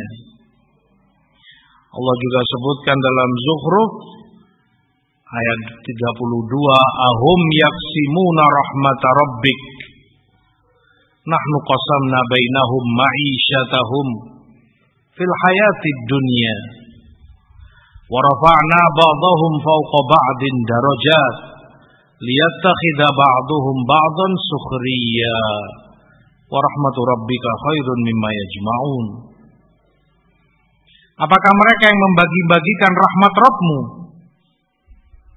Kami yang bagikan kata Allah di antara mereka. Kehidupan mereka, maisha mereka kami yang bagikan di kehidupan dunia ini. Dan sebagian mereka kami angkat. Lebih tinggi derajatnya dari sebagian yang lain kata Imam Baghawi. Diangkat derajatnya lebih dari yang lain yaitu dengan kekayaan dan hartanya. Sehingga ada yang kaya bahkan kaya sekali ada yang di bawah itu tengah-tengah ada yang di bawahnya ada yang di bawahnya ada yang fakir miskin ada kan? Hikmah sejak zaman dahulu demikianlah Allah ciptakan makhluknya. Ada yang penghasilannya ratusan juta ada yang penghasilannya puluhan juta ada yang hasilnya jutaan nggak sampai sepuluh ada yang ratusan ribu wah kata ada yang bahkan kekurangan ada yang tidak punya penghasilan. Allah ciptakan manusia. Allah katakan liyattakhidha ba'duhum ba'dhan sukhriya. Agar masing-masing kepada yang lain saling membantu menjadikannya sebagai bantuan. Yakni kata As-Sa'di maknanya mereka saling memberi yang ini dengan kekayaannya butuh tenaga dia nggak bisa melakukan ini itu nggak punya keahlian nggak punya tenaga yang miskin ini punya tenaga, punya keahlian, punya jasa, membantu dengan jasa dan tenaganya. Yang ini dengan hartanya membantu si miskin dengan hartanya. Wah, kata. Jual beli. Kamu butuh ini. Si penjualnya butuh uang. Kamu beri uangmu. Kamu ambil barang dia. Hah, kata. Manusia saling membantu. Nah, kalau semuanya rata kaya, ya nggak mungkin si, si kaya butuh mengangkat ini, mengangkat itu, bikin ini, bikin. Siapa yang bikin? Sementara nggak ada semuanya kaya raya, nggak ada yang butuh, kerjakan sendiri. Atau semuanya miskin, rata semuanya miskin. Dari mana mereka dapat? Hakata hikmah Allah yang maha mulia. Menjadikan mereka manusia itu berbeda-beda. Tingkat ekonominya, tingkat sosialnya, nggak sama. Itu hikmah yang Allah inginkan.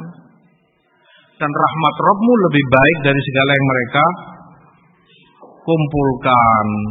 Demikian pula Allah sebutkan dalam An-Nahl 71. Wallahu faddala ba'dakum ala ba'din fir. Dan Allah memberi keutamaan sebagian kalian lebih dari sebagian yang lain dalam rizkinya. Itu tadi. Gak sama rizki yang Allah bagikan kepada hambanya. Yang ini kaya, itu di bawahnya, itu miskin. Dibedakan memang oleh Allah. Faman ladina fuddilu biraddi rizkihim ala ma malakat aimanuhum fahum fihi sawa. Apa yajhadun. Maka tentunya kata Allah yang punya keutamaan rizki nggak akan mau mengembalikan rizki itu kepada para budaknya sehingga mereka rata sama. Yang ini saudagar, pedagang, sukses, bisnis, masya Allah, rajin, semangat, pinter dagangnya, sehingga dia dapat keuntungan banyak dan dia hemat, dia tabung, dia ini walhasil sampai dia jadi orang sukses, jadi orang kaya, masya Allah. Allah beri harta dia rizki. Apa mau harta yang dia peroleh dengan keringatnya, capek dia. Dari nol dia berangkat. Apa mau dia kemudian harta yang diambil semua untuk dibagikan supaya kamu rata sama dengan para gelandangan ini yang ada di jalanan. Ini kasih juta, juta, juta, juta. Sehingga rata antara kamu dengan dia sama tidak beda. Siapa mau? Nggak ada yang akan mau kata Allah. Sama ladina fuddilu birad di rizkihim alama malakat aimanuhum fahum fihi sawa untuk dijadikan sama rata, sama rasa. Hmm, dia kerja banting tulang siang malam. Nah, yang ini malas. Kan banyak orang miskin ini malas. Nggak mau dia kerja. Berpangku tangan. Hanya memikirkan, hanya iri, fulan kaya, fulan begini. Dia nggak mau bekerja. Nggak mau beras keringat. Paling-paling Allah Allah berdiri di perempatan, genjerang-genjreng minta uang orang. Masih muda, tenaga ada, masya Allah. Pemalas. Wah kata. Walaupun ayat tentunya sebagai bantahan terhadap kemusyrikan. Ini logika ini Allah sebutkan kata para ulama untuk membantah kemusyrikan. Artinya, kalau manusia saja tidak rela, nggak akan mau hartanya dibagikan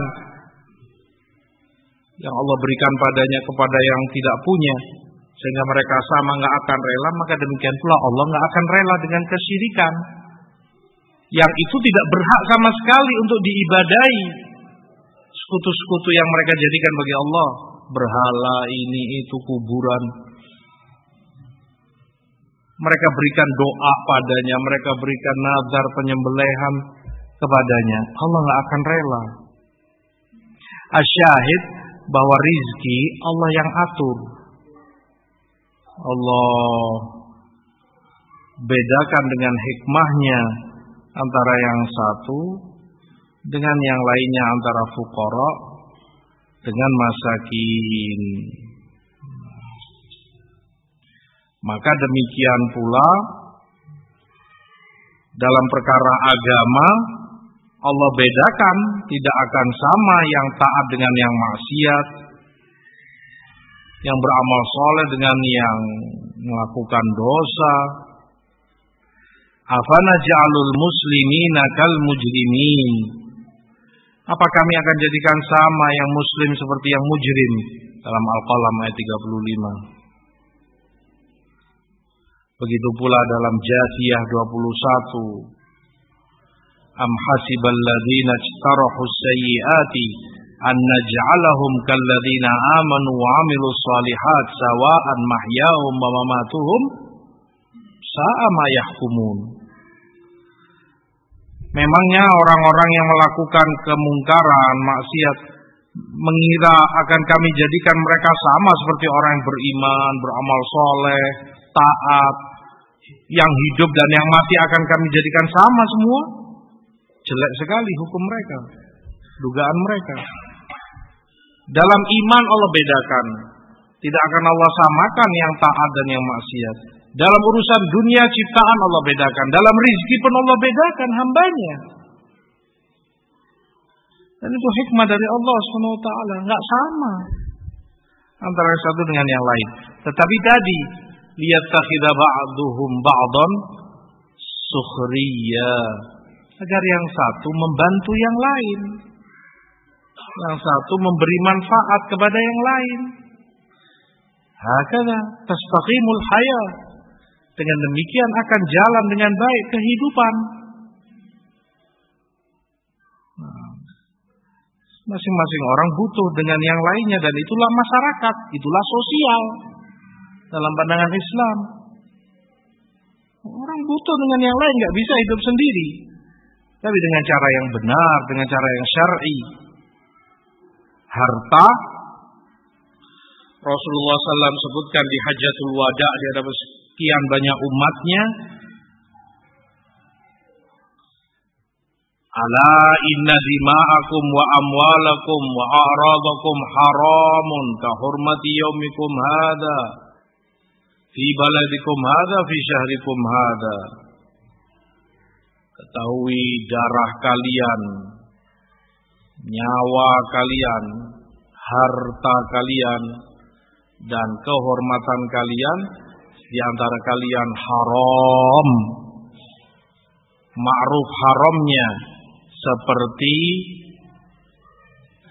haramnya negeri ini hari ini di bulan ini bulan yang haram. Ma'ruf di masyarakat jahiliyah. Bulan haram negeri haram. Mereka pendendam masyarakat jahiliyah. Tapi kalau sudah bertemu, bertatap muka dengan orang yang membunuh bapaknya atau anaknya di negeri haram atau di bulan haram, mereka nggak berani ganggu. Tahu ini bulan haram harus dijaga, nggak boleh ini didolimi. Walaupun itu pembunuh bapaknya, dijaga sekali oleh masyarakat jahiliyah. Ma'ruf di kalangan orang Arab. Makanya Rasulullah katakan haram seperti haramnya negeri ini Kalian tahu haramnya bulan ini hari ini seperti itu pula haram darah kalian, harta kalian dan kehormatan kalian tidak boleh kalian ambil tanpa haknya. Tidak boleh kalian menjamah sedikit pun. Ini haram, harus dijaga, dihormati. Di dalam hadis para ulama sebutkan sengaja Rasulullah gabungkan antara darah atau nyawa dengan harta. Nyawa kalian, harta kalian. Karena memang keduanya penopang kehidupan. Keduanya modal utama untuk makmurnya suatu kehidupan. Tidak bisa tanpa keduanya. Ingin hidup makmur, hidup sentosa, hidup baik, nyawa harus terjaga, aman, tidak ada yang ganggu, tidak ada yang berani melukai, sehingga tenang hidupnya, aman, bahagia. Harta pun harus terjaga, tidak boleh ada yang rampas, ada yang mendolimi, tidak boleh ada yang menipu, tidak ada diharamkan semua itu. Sehingga hidup mereka aman dan sentosa. Makanya pula Rasulullah SAW pertegas La yahillu malim muslim illa anti bin nafs tidak halal harta seorang muslim kecuali dengan jiwa yang rela. Artinya dia senang melepas sesuatu itu padamu. Dia dengan ridho dan senang hati memberikannya kepadamu. Allah sebutkan dalam An-Nisa 29 ya ayyuhalladzina amanu La ta'kulu amwalakum bainakum bil batili illa an takuna tijaratan antaradin minkum. Wahai orang yang beriman, jangan kalian makan harta di antara kalian dengan cara batil. Kecuali kalau itu perdagangan dan itu pun bukan hanya dagang, tarodi dengan saling ridho. Karena nggak semua perdagangan, gambarnya perdagangan bentuknya.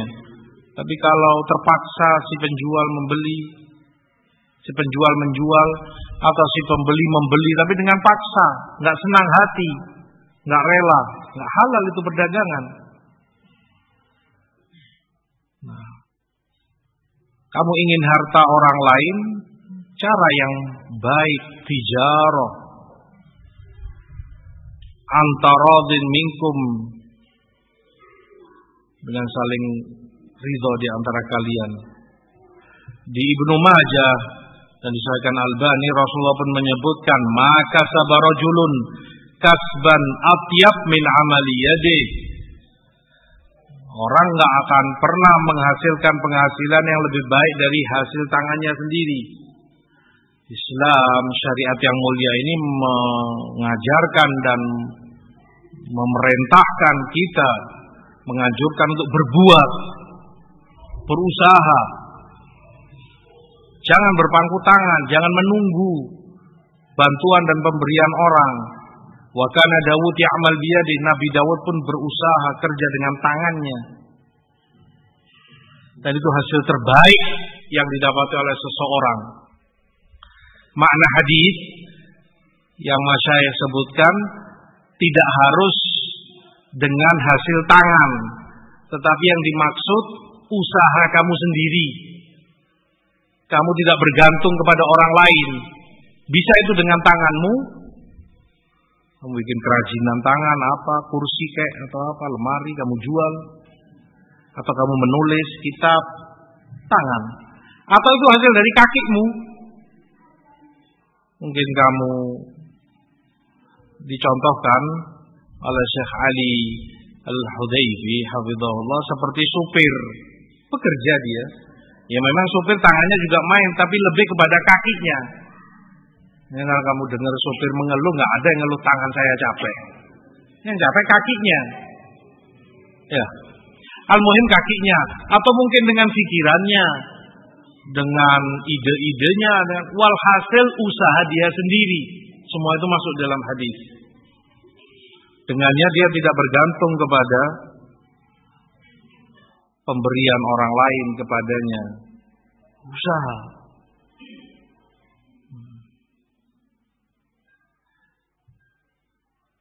Demikian pula yang disebutkan oleh Syekh Muhammad Ibn Ibrahim Al-Syekh rahimahullahu taala ketika beliau menasehatkan kepada orang yang bertanya terkait adanya tuan-tuan tanah semakin kaya dan bertambah keuntungannya dengan para buruh tani yang hanya mendapat upah sewajarnya sebatas uh,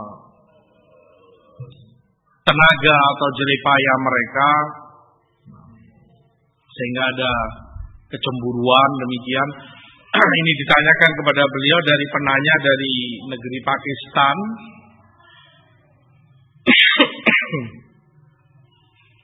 Dan hasil itu tidak di bahkan disebutkan dalam pertanyaan hasil mereka tidak cukup upah yang mereka peroleh untuk mencukupi kebutuhan hidupnya dia dan keluarganya. Maka jawaban Syekh Muhammad bin Ibrahim rahimahullah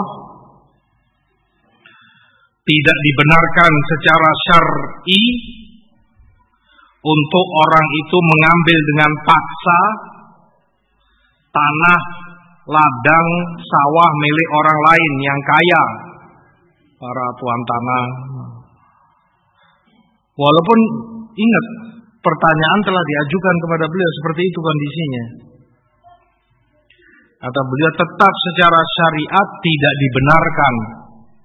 Kemudian mereka demo, mereka uh, mengkup atau mengkudeta tanah tersebut dikuasai sendiri kemudian dipakai akan dipermiliki dengan kekuatan masa yang begitu banyak.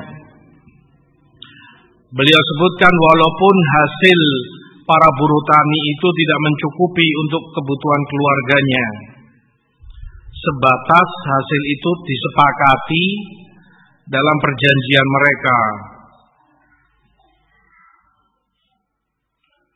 Karena mengambil harta milik orang lain tanpa keridhaan darinya, ini adalah madhab bolsevisme yang uh, hendak membalikkan hak milik orang lain kepada kesamarataan uh, Bolshevisme ini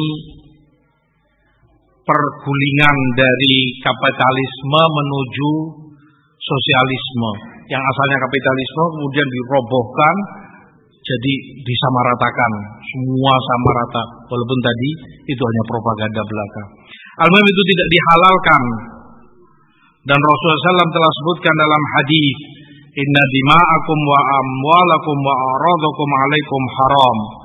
Sungguh darah kalian, harta kalian, dan kehormatan kalian bagi kalian itu haram.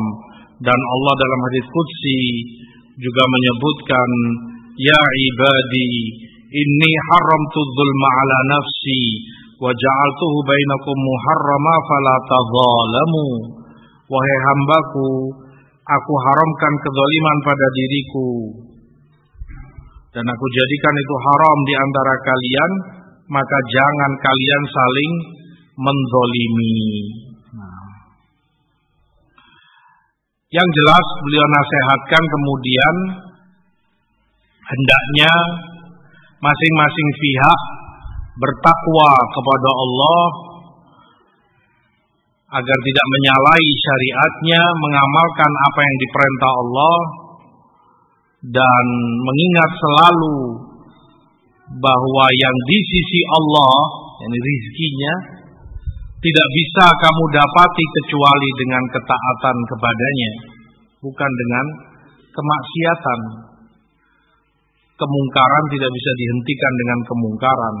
Yang batil tidak bisa dibantah dan dihentikan dengan kebatilan yang lain. Tapi dengan cara Allah dan syariatnya yang mulia.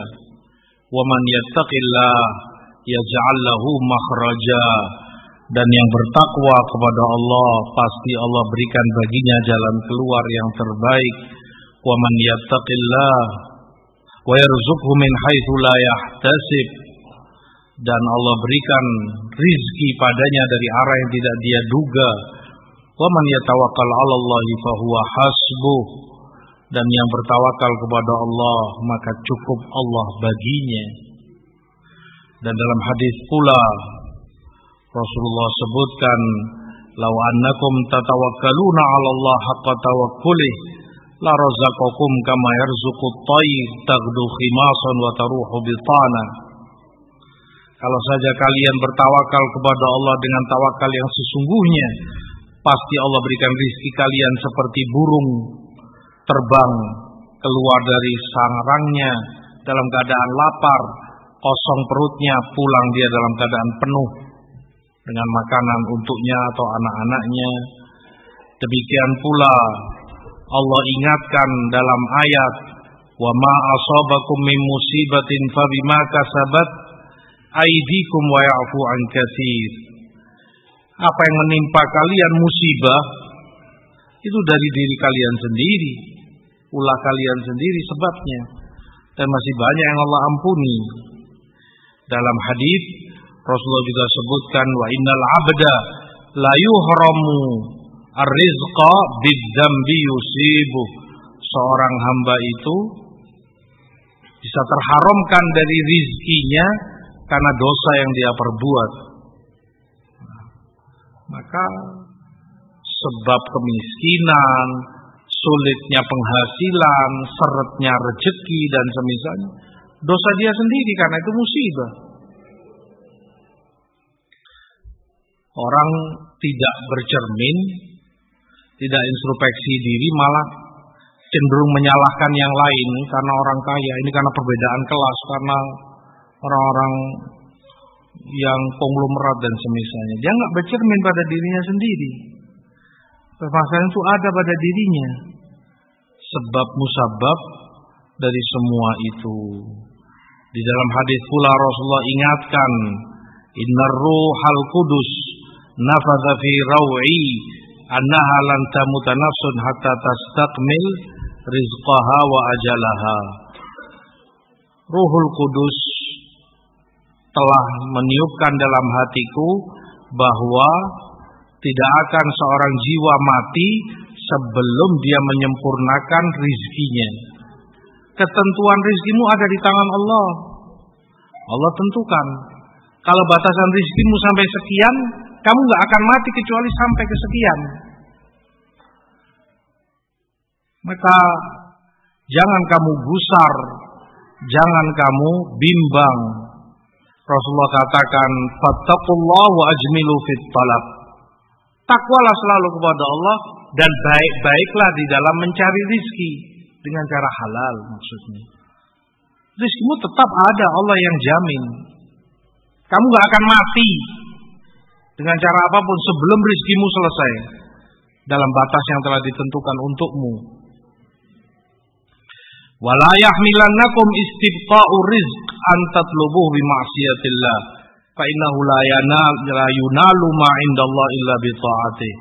Dan lambatnya rizki, sulitnya penghasilan jangan membuat kalian bermaksiat kepada Allah karena yang di sisi Allah nggak akan bisa kamu dapati dengan kemaksiatan kepadanya.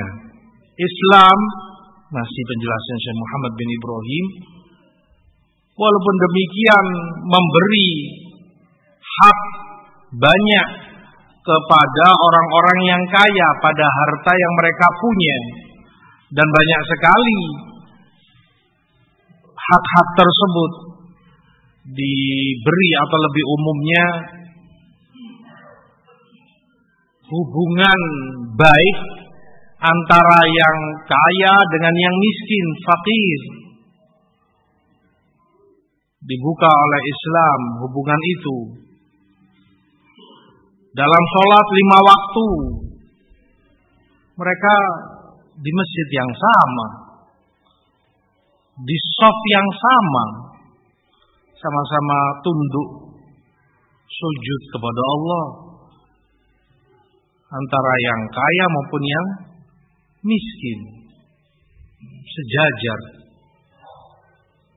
Bagi kaum kapitalisme haram seperti itu. Nggak mau orang kaya disatukan di satu majelis nggak boleh masuk yang miskin. Ditendang dan dihinakan. Sus ini majelis dan pertemuan orang kaya Islam tidak demikian. Haji pun demikian.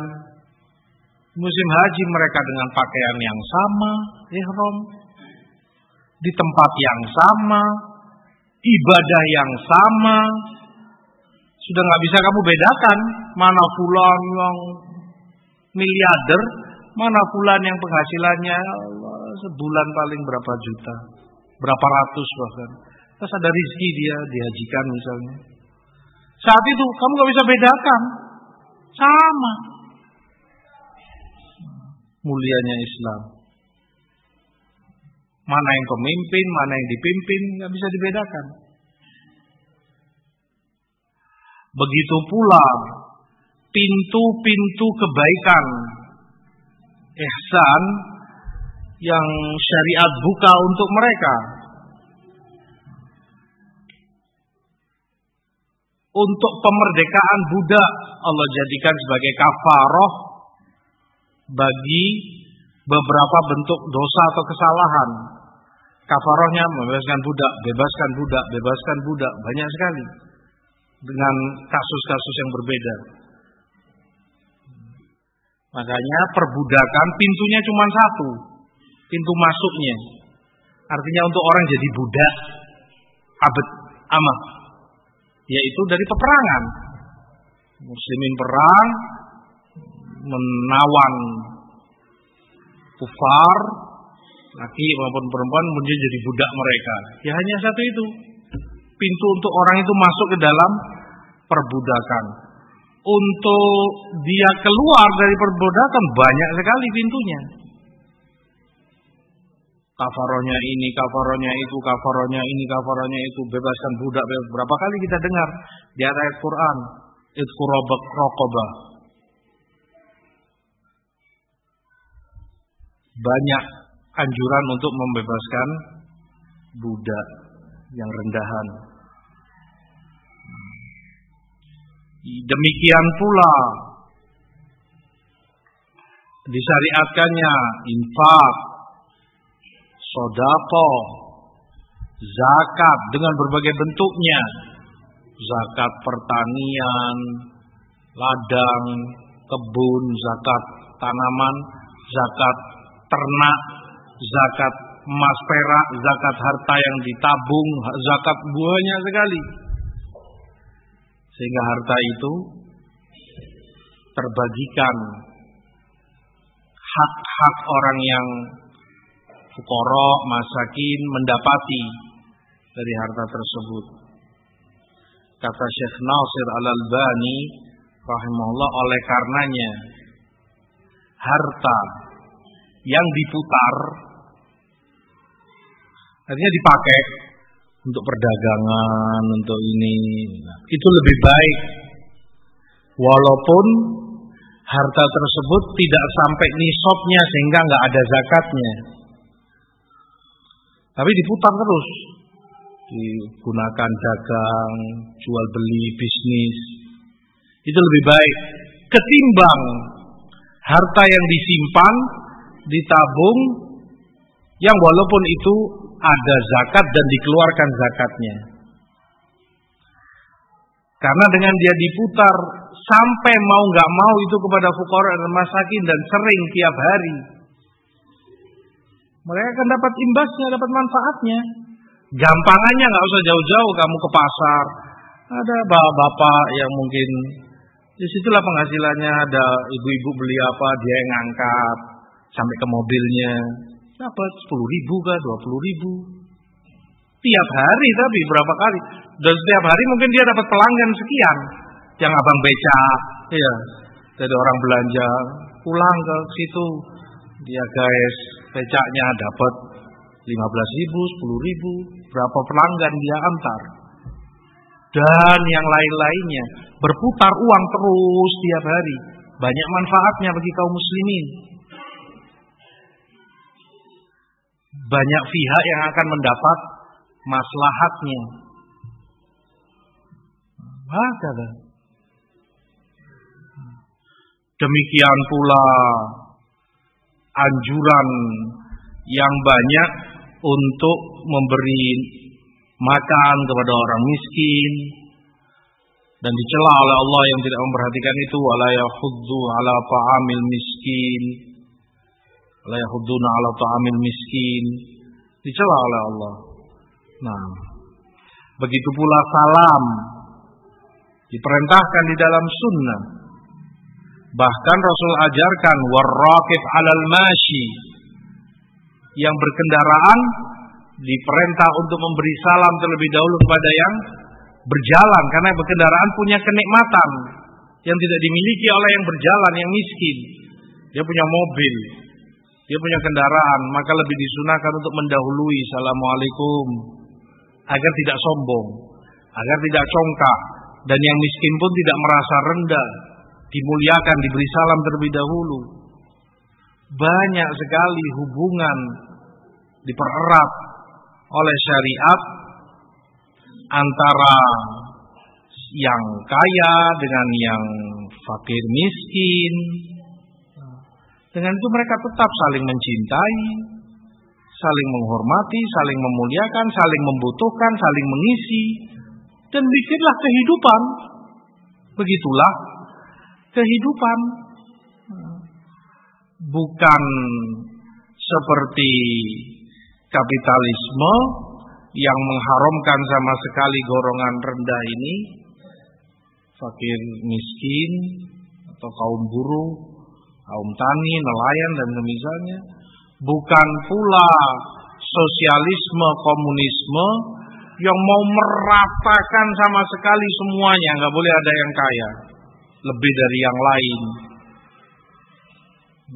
Semua itu bertentangan jauh dengan syariat Allah yang mulia. Ikhwati fillah rahimani wa rahimakumullah, maka tentunya kewajiban kita, kewajiban umat ini untuk selalu kembali kepada syariatnya, kepada Islam yang hak, kepada Al-Quran, kepada Sunnah, dalam menghadapi segala macam tantangan kehidupan, segala bentuk syubhat yang batil. Tidak bisa itu dihadapi kecuali dengan al-haq. Tidak bisa itu dihentikan kecuali dengan al-haq. Yang batil tidak akan membuahkan kecuali kebatilan yang lain lagi.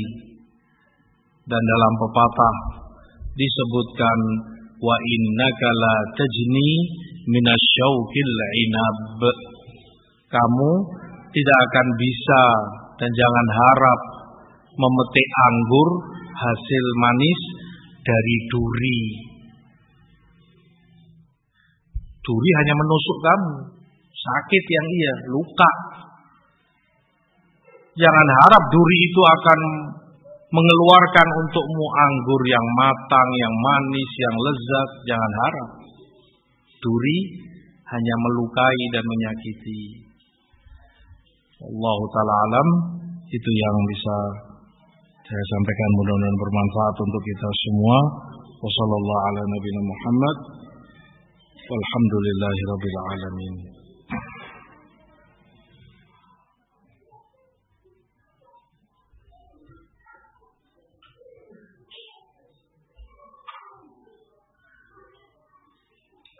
Apakah di negara Arab dengan atau dan sekitarnya ada orang-orang komunis, ateis, ada banyak loh kan. La kasarahumullah. Kalau dalam kekuasaan artinya pemerintahan di zamannya Saddam Hussein Walaupun Allah alam beritanya sebelum dia mati taubat, dia sosialisme murni. Nah, bahkan dia katakan dalam ucapannya yang ma'ruf, dia katakan aku yang Saddam Hussein beriman, Ba'at sebagai robku. Ini partai kebangkitan, partai Al-Ba'as, partai politik yang ma'ruf. Nah, Walaupun tadi di akhir hayatnya disebutkan dia tobat dan bersyahadat dan sebelum itu disebutkan Allah alam benar tidaknya sebelum dia dieksekusi mati di penjara sering sholat baca Quran Allah alam benar ya tapi yang jelas orang sudah mati. Begitu pula di Mesir beberapa tokoh komunis, ateis, sosialis banyak. Nah, bahkan eh, di Saudi sendiri, walaupun jarang, alhamdulillah, seperti Abdullah Al Qasimi yang murtad billah bukan hanya itu dia berbalik menyerang Islam mencaci maki mencela Quran ini hasil Islam dia ini nah. Dan tidak ada bedanya sudah kalau urusan kesesatan mau Arab, mau ajam, mau mana. Sesat-sesat. Nah. Waliyahzubillah.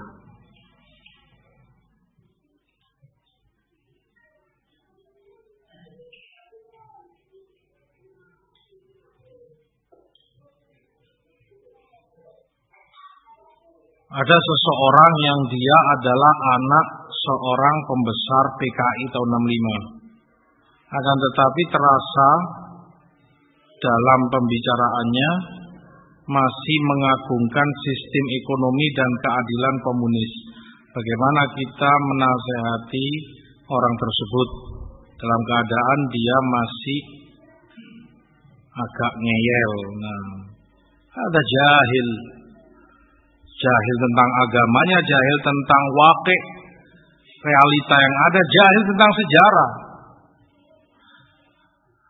Kamu bawa ke orang-orang tua aja, nggak usah jauh-jauh. Orang yang sudah tua, yang kira-kira masih hidup di antara mereka, tanyakan bagaimana di masa-masa 60-an dulu. Ya apa PKI? Bagaimana keberingasan dan kejahatan mereka, bagaimana pula ekonomi dan keadilan di masa itu. Masya Allah Pak ya, anu kakek atau apa namanya mbah. Di masa itu tahun 60, tahun 50, 60, Masya Allah ekonominya makmur, masa nah, nanti dia akan cerita seperti apa. Iya, keadilan mana ada? Kesengsaraan yang dia. Bahkan mengalang-alai penjajah Belanda.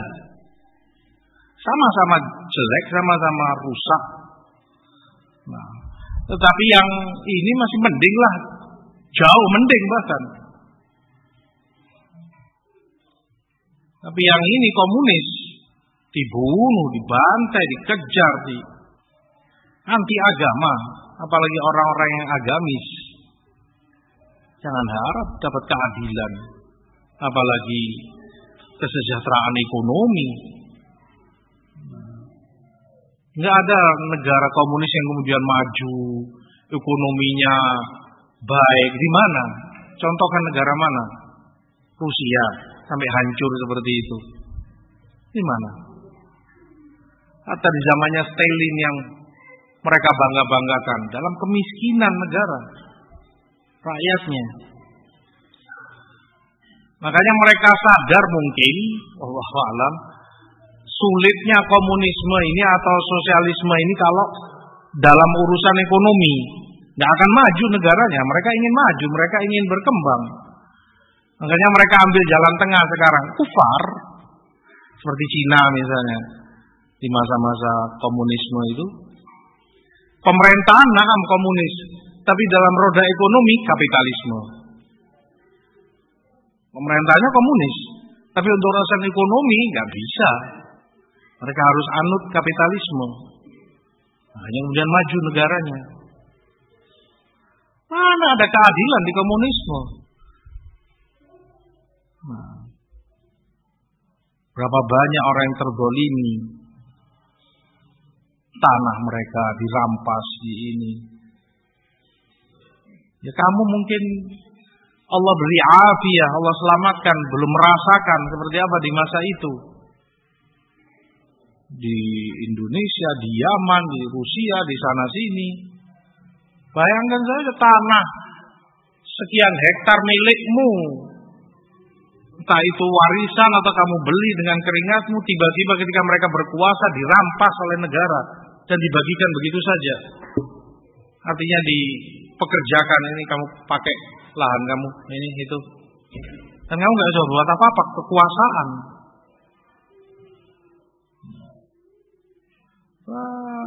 Jahil, nah, belum lagi kekufuran-kekufuran mereka yang bertentangan dengan iman. Nah,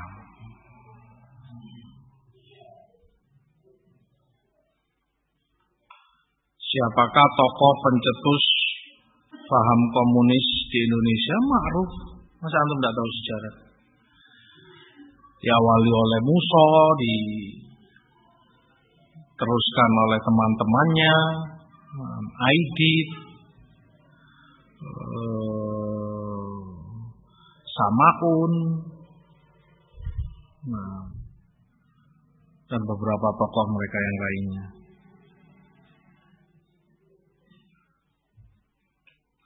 Terus yang penting kita banyak berdoa, terutama kepada pemerintah kita, itu ajaran sunnah, penting ya ikhwan terutama di masa-masa fitnah seperti ini banyak informasi, banyak uh, berita yang kamu dengar atau sampai kepada kamu ini begini, ini begitu, pemerintah begini, pemerintah begini.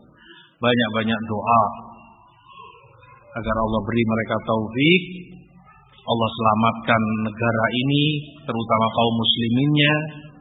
Allah jaga, Allah lindungi dari berbagai makar agar Allah hancurkan setiap yang menginginkan kejelekan dan kerusakan bagi kaum muslimin. Nah, kata Imam Ahmad, aku menganggap wajib bagiku untuk berdoa selalu kepada pemerintahku yang memimpin. Aku wajib bagiku itu wajib untuk aku terus berdoa untuknya karena kebaikan dia, kebaikan seluruh rakyatnya, negaranya. Dan kejelekan dia imbasnya kejelekan bagi seluruh rakyatnya. Alhamdulillah al khair wajib kebaikan alhamdulillah masih ada dan masih banyak. Hanya saja tentunya butuh pembenahan di sana sini, butuh dakwah, butuh kesabaran.